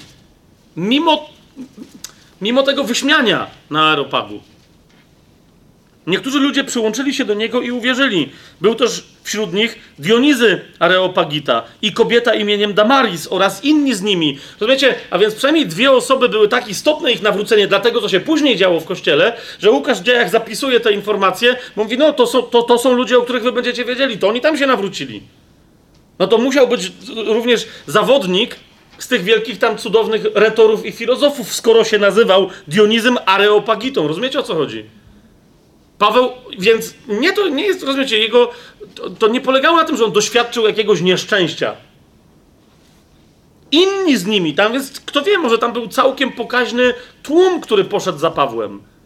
Chodzi tylko o to, jak Paweł został uderzony w duchu, w swoje serce przez Pana tam wtedy, wobec tego swojego głoszenia. Czego on się spodziewał, co on myślał, że się stanie, a co się stało, jaka, jaka przyszła. Rozumiecie, o co mi, o co mi chodzi? Ale wciąż niektórzy powiadają, bo według mnie najlepiej yy, i to, że w centrum naszego głoszenia ma być ukrzyżowany, i w centrum tego, kto głosi, ma być ukrzyżowany, żeby w centrum jego głoszenia był ukrzyżowany. Najlepiej o tym, o tym wszystkim, jak do tej pory, ja nie, nie znam wszystkich nauczycieli świata, według mnie najlepiej o tym mówi Watchman. Ale co i róże, coś ludzie do mnie przychodzą mówią, Fabian, za dużo czytasz Watchmana. Co nie jest prawdą, bo ja wcale dużo Watchmana nie, aż tak dużo nie czytam, jakbym chciał móc. Inni mówią, nawet jak się trochę poczyta Watchmana, ty musisz pamiętać, że Watchman to jest, wiesz, to nie jest na nasze czasy. Wtedy Kościół był, Chiny, Kościół był prześladowany, oni tam musieli, rozumiesz, oni tam musieli mieć nauczanie, które im, by, które im pozwoliło to przeżyć, które im pozwoliło się zjednoczyć, które pozwoliło im się nie złamać. Ale my żyjemy w innych czasach, my nie możemy, my nie możemy, rozumiesz, czerpać z Watchmana. Chińczycy, oni tam, zwłaszcza ci wtedy y, pod tym komunistycznym buciorem i do dzisiaj zresztą w, w, w wielu, w wielu to zostało. Poczytajcie y, y, Człowieka z nieba, brata Juna i tak dalej. Tak on do tej pory żyje. Y, ci, których uczy, dalej mają to w sobie. Ukrzyżowany, ty masz nieść ukrzyżowanego. On w tobie ma być reprezentowany. Rozumiesz, masz, masz być wierzącą osobą, rozpostartą na krzyżu, gotową na każde dźgnięcie. Bo tak i tylko tak się objawi moc. I niektórzy mówią, ale wiesz co, ale no, no nie, no nie, to nie jest, to nie, to jest Azja. Azja jest nienormalna. Wojtek Cejrowski kiedyś powiedział, że on jeździ po całym świecie, do Ameryki Południowej i tak dalej. Oni tam wszyscy są nienormalni, ale mówi, on się boi jechać do Azji. Bo ci są straszliwie nienormalni. Azja jest przerażająca. Azja są tortury, jakich nawet Aztekowie nie znali. Nie, nie, Azja jest. Prze... Dlatego niektórzy mówią, Watchman jest dla Azjatów. Oni są tam wszyscy grzmotnięci. Mówi, my jesteśmy z Europy. Wiele osób mi tak mówi. Więc wobec tego, na zakończenie dzisiaj i na zachętę, albo na ostrzeżenie przed następnym naszym spotkaniem, bo temat będziemy kontynuować, żeśmy go dopiero naddziubali leciutko Przeczytam wam, są na temat między innymi Watchmana, na temat y, kościołów domowych chińskich, całego tego podziemnego ruchu, który się rozrastał wbrew nieprawdopodobnemu niewyobrażalnemu e, w, w, w swoim okrucieństwie, prześladowaniu e, chińskich władz, co na ten temat mówi właśnie John Stott. Człowiek, który się. To znaczy, człowiek Europy. Człowiek, który. Ak, tak, wykładowca akademicki. Człowiek, który wie, co to Oxford i co to Cambridge. Człowiek, który był witany ze splendorami w Stanach Zjednoczonych. I, I teraz jaka jest jego reakcja na tak ekstremalne głoszenie krzyża, jak Watchman e, jako nauczyciel je zaprezentował? Posłuchajcie tego. On tu co prawda cytuje też innego autora, ale już mniejsza o to. W tym wydaniu tej książki to jest 99 strona. John Stott, wielki nauczyciel nie azjatycki, tylko europejski, mówi tak. Pośród wzrostu kościoła w Chinach i rozpoczęcia się prawdziwych duchowych przebudzeń w wielu miejscach jest nieodłączny powód, przepraszam bardzo, powód wzrostu kościoła w Chinach i rozpoczęcia się prawdziwych duchowych przebudzeń w wielu miejscach jest nieodłącznie związany z teologią krzyża. Kościół w Chinach głosi surowe przesłanie, że Bóg używa cierpienia i zwiastowania o ukrzyżowanym Chrystusie, aby wylać przebudzenie i budować swój Kościół. Czy my, zachodni chrześcijanie, nadal chcemy o tym słuchać? Kościół w Chinach podąża drogą krzyża. Życie i śmierć męczenników lat 50. i 60. XX wieku przyniosły tam obfity owoc. Jeszcze raz powtórzę, żebyście dobrze usłyszeli o co chodzi w tym cytacie. John Stott mówi nie tylko o Chinach, mówi o każdym przebudzeniu, które nazywa prawdziwym. I zauważcie, że nie daje nam, mówi, czy my chcemy o tym słuchać. Nie, da, nie mówi, no być może my znajdziemy jakieś, jakieś, jakieś inne zarzewie przebudzenia, przez które Pan będzie mógł działać. Nie, on mówi, nie. Tylko teologia krzyża i to konkretnie głoszonego Chrystusa ukrzyżowanego zaczyna przebudzenie, które jest prawdziwe. Albo, albo po prostu możemy się podekscytować jakąś ściemą. Jeszcze raz to przeczytam. Powód wzrostu kościoła w Chinach i rozpoczęcia się prawdziwych duchowych przebudzeń w wielu miejscach jest nieodłącznie związany z teologią krzyża. Nieodłącznie. Kościół w Chinach głosi surowe przesłanie, że Bóg używa cierpienia i zwiastowania o ukrzyżowanym Chrystusie, aby wylać przebudzenie i budować swój Kościół. To jest to. Aby wylać przebudzenie, co, co, co to znaczy? To znaczy, żeby, żeby duchowe przebudzenie tych, którzy głoszą, doprowadziło do masowych nawróceń, a więc do wielkiego żniwa.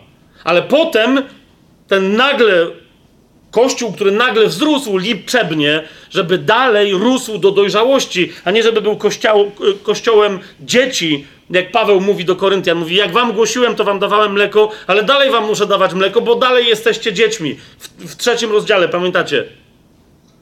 Więc krzyż, Chrystus ukrzyżowany jest, jest, jest początkiem i podstawą przebudzenia wszędzie. Także tu dzisiaj, w zaświadczonej Europie, w, w, w ponoć dalej jeszcze katolickiej Polsce, w ponoć jeszcze protestanckich Stanach Zjednoczonych, wszędzie, nie tylko w Chinach. To, o czym mówi Watchman, takie rozumienie zmartwychwstałego, jako tego, który wciąż jest barankiem zabitym i ukrzyżowanym, ale żyje, takie głoszenie zmartwychwstałego jest podstawą każdego przebudzenia, podstawą żniwa i podstawą wzrostu Kościoła ku dojrzałości. Czy my, zachodni chrześcijanie, nadal chcemy o tym słuchać? Nie wiem, czy my nadal chcemy słuchać. Wiem, że ja nadal chcę o tym mówić. Więc będziemy kontynuować ten temat. w jaki sposób Chrystus ukrzyżowany ma być planem dla Kościoła, bo pierwszy list do Koryntian to, to, jest, to jest wetknięcie krzyża. Jeszcze raz obwieszczenie Chrystusa ukrzyżowanego w konkretnej rzeczywistości Kościoła, a więc ludzi, którzy już spotkali się z ukrzyżowanym, bo dzięki niemu żyją, ale cały czas jeszcze nie spotkali się z ukrzyżowanym jako nauczycielem, który ma zapewnić im wzrost i dojrzałość.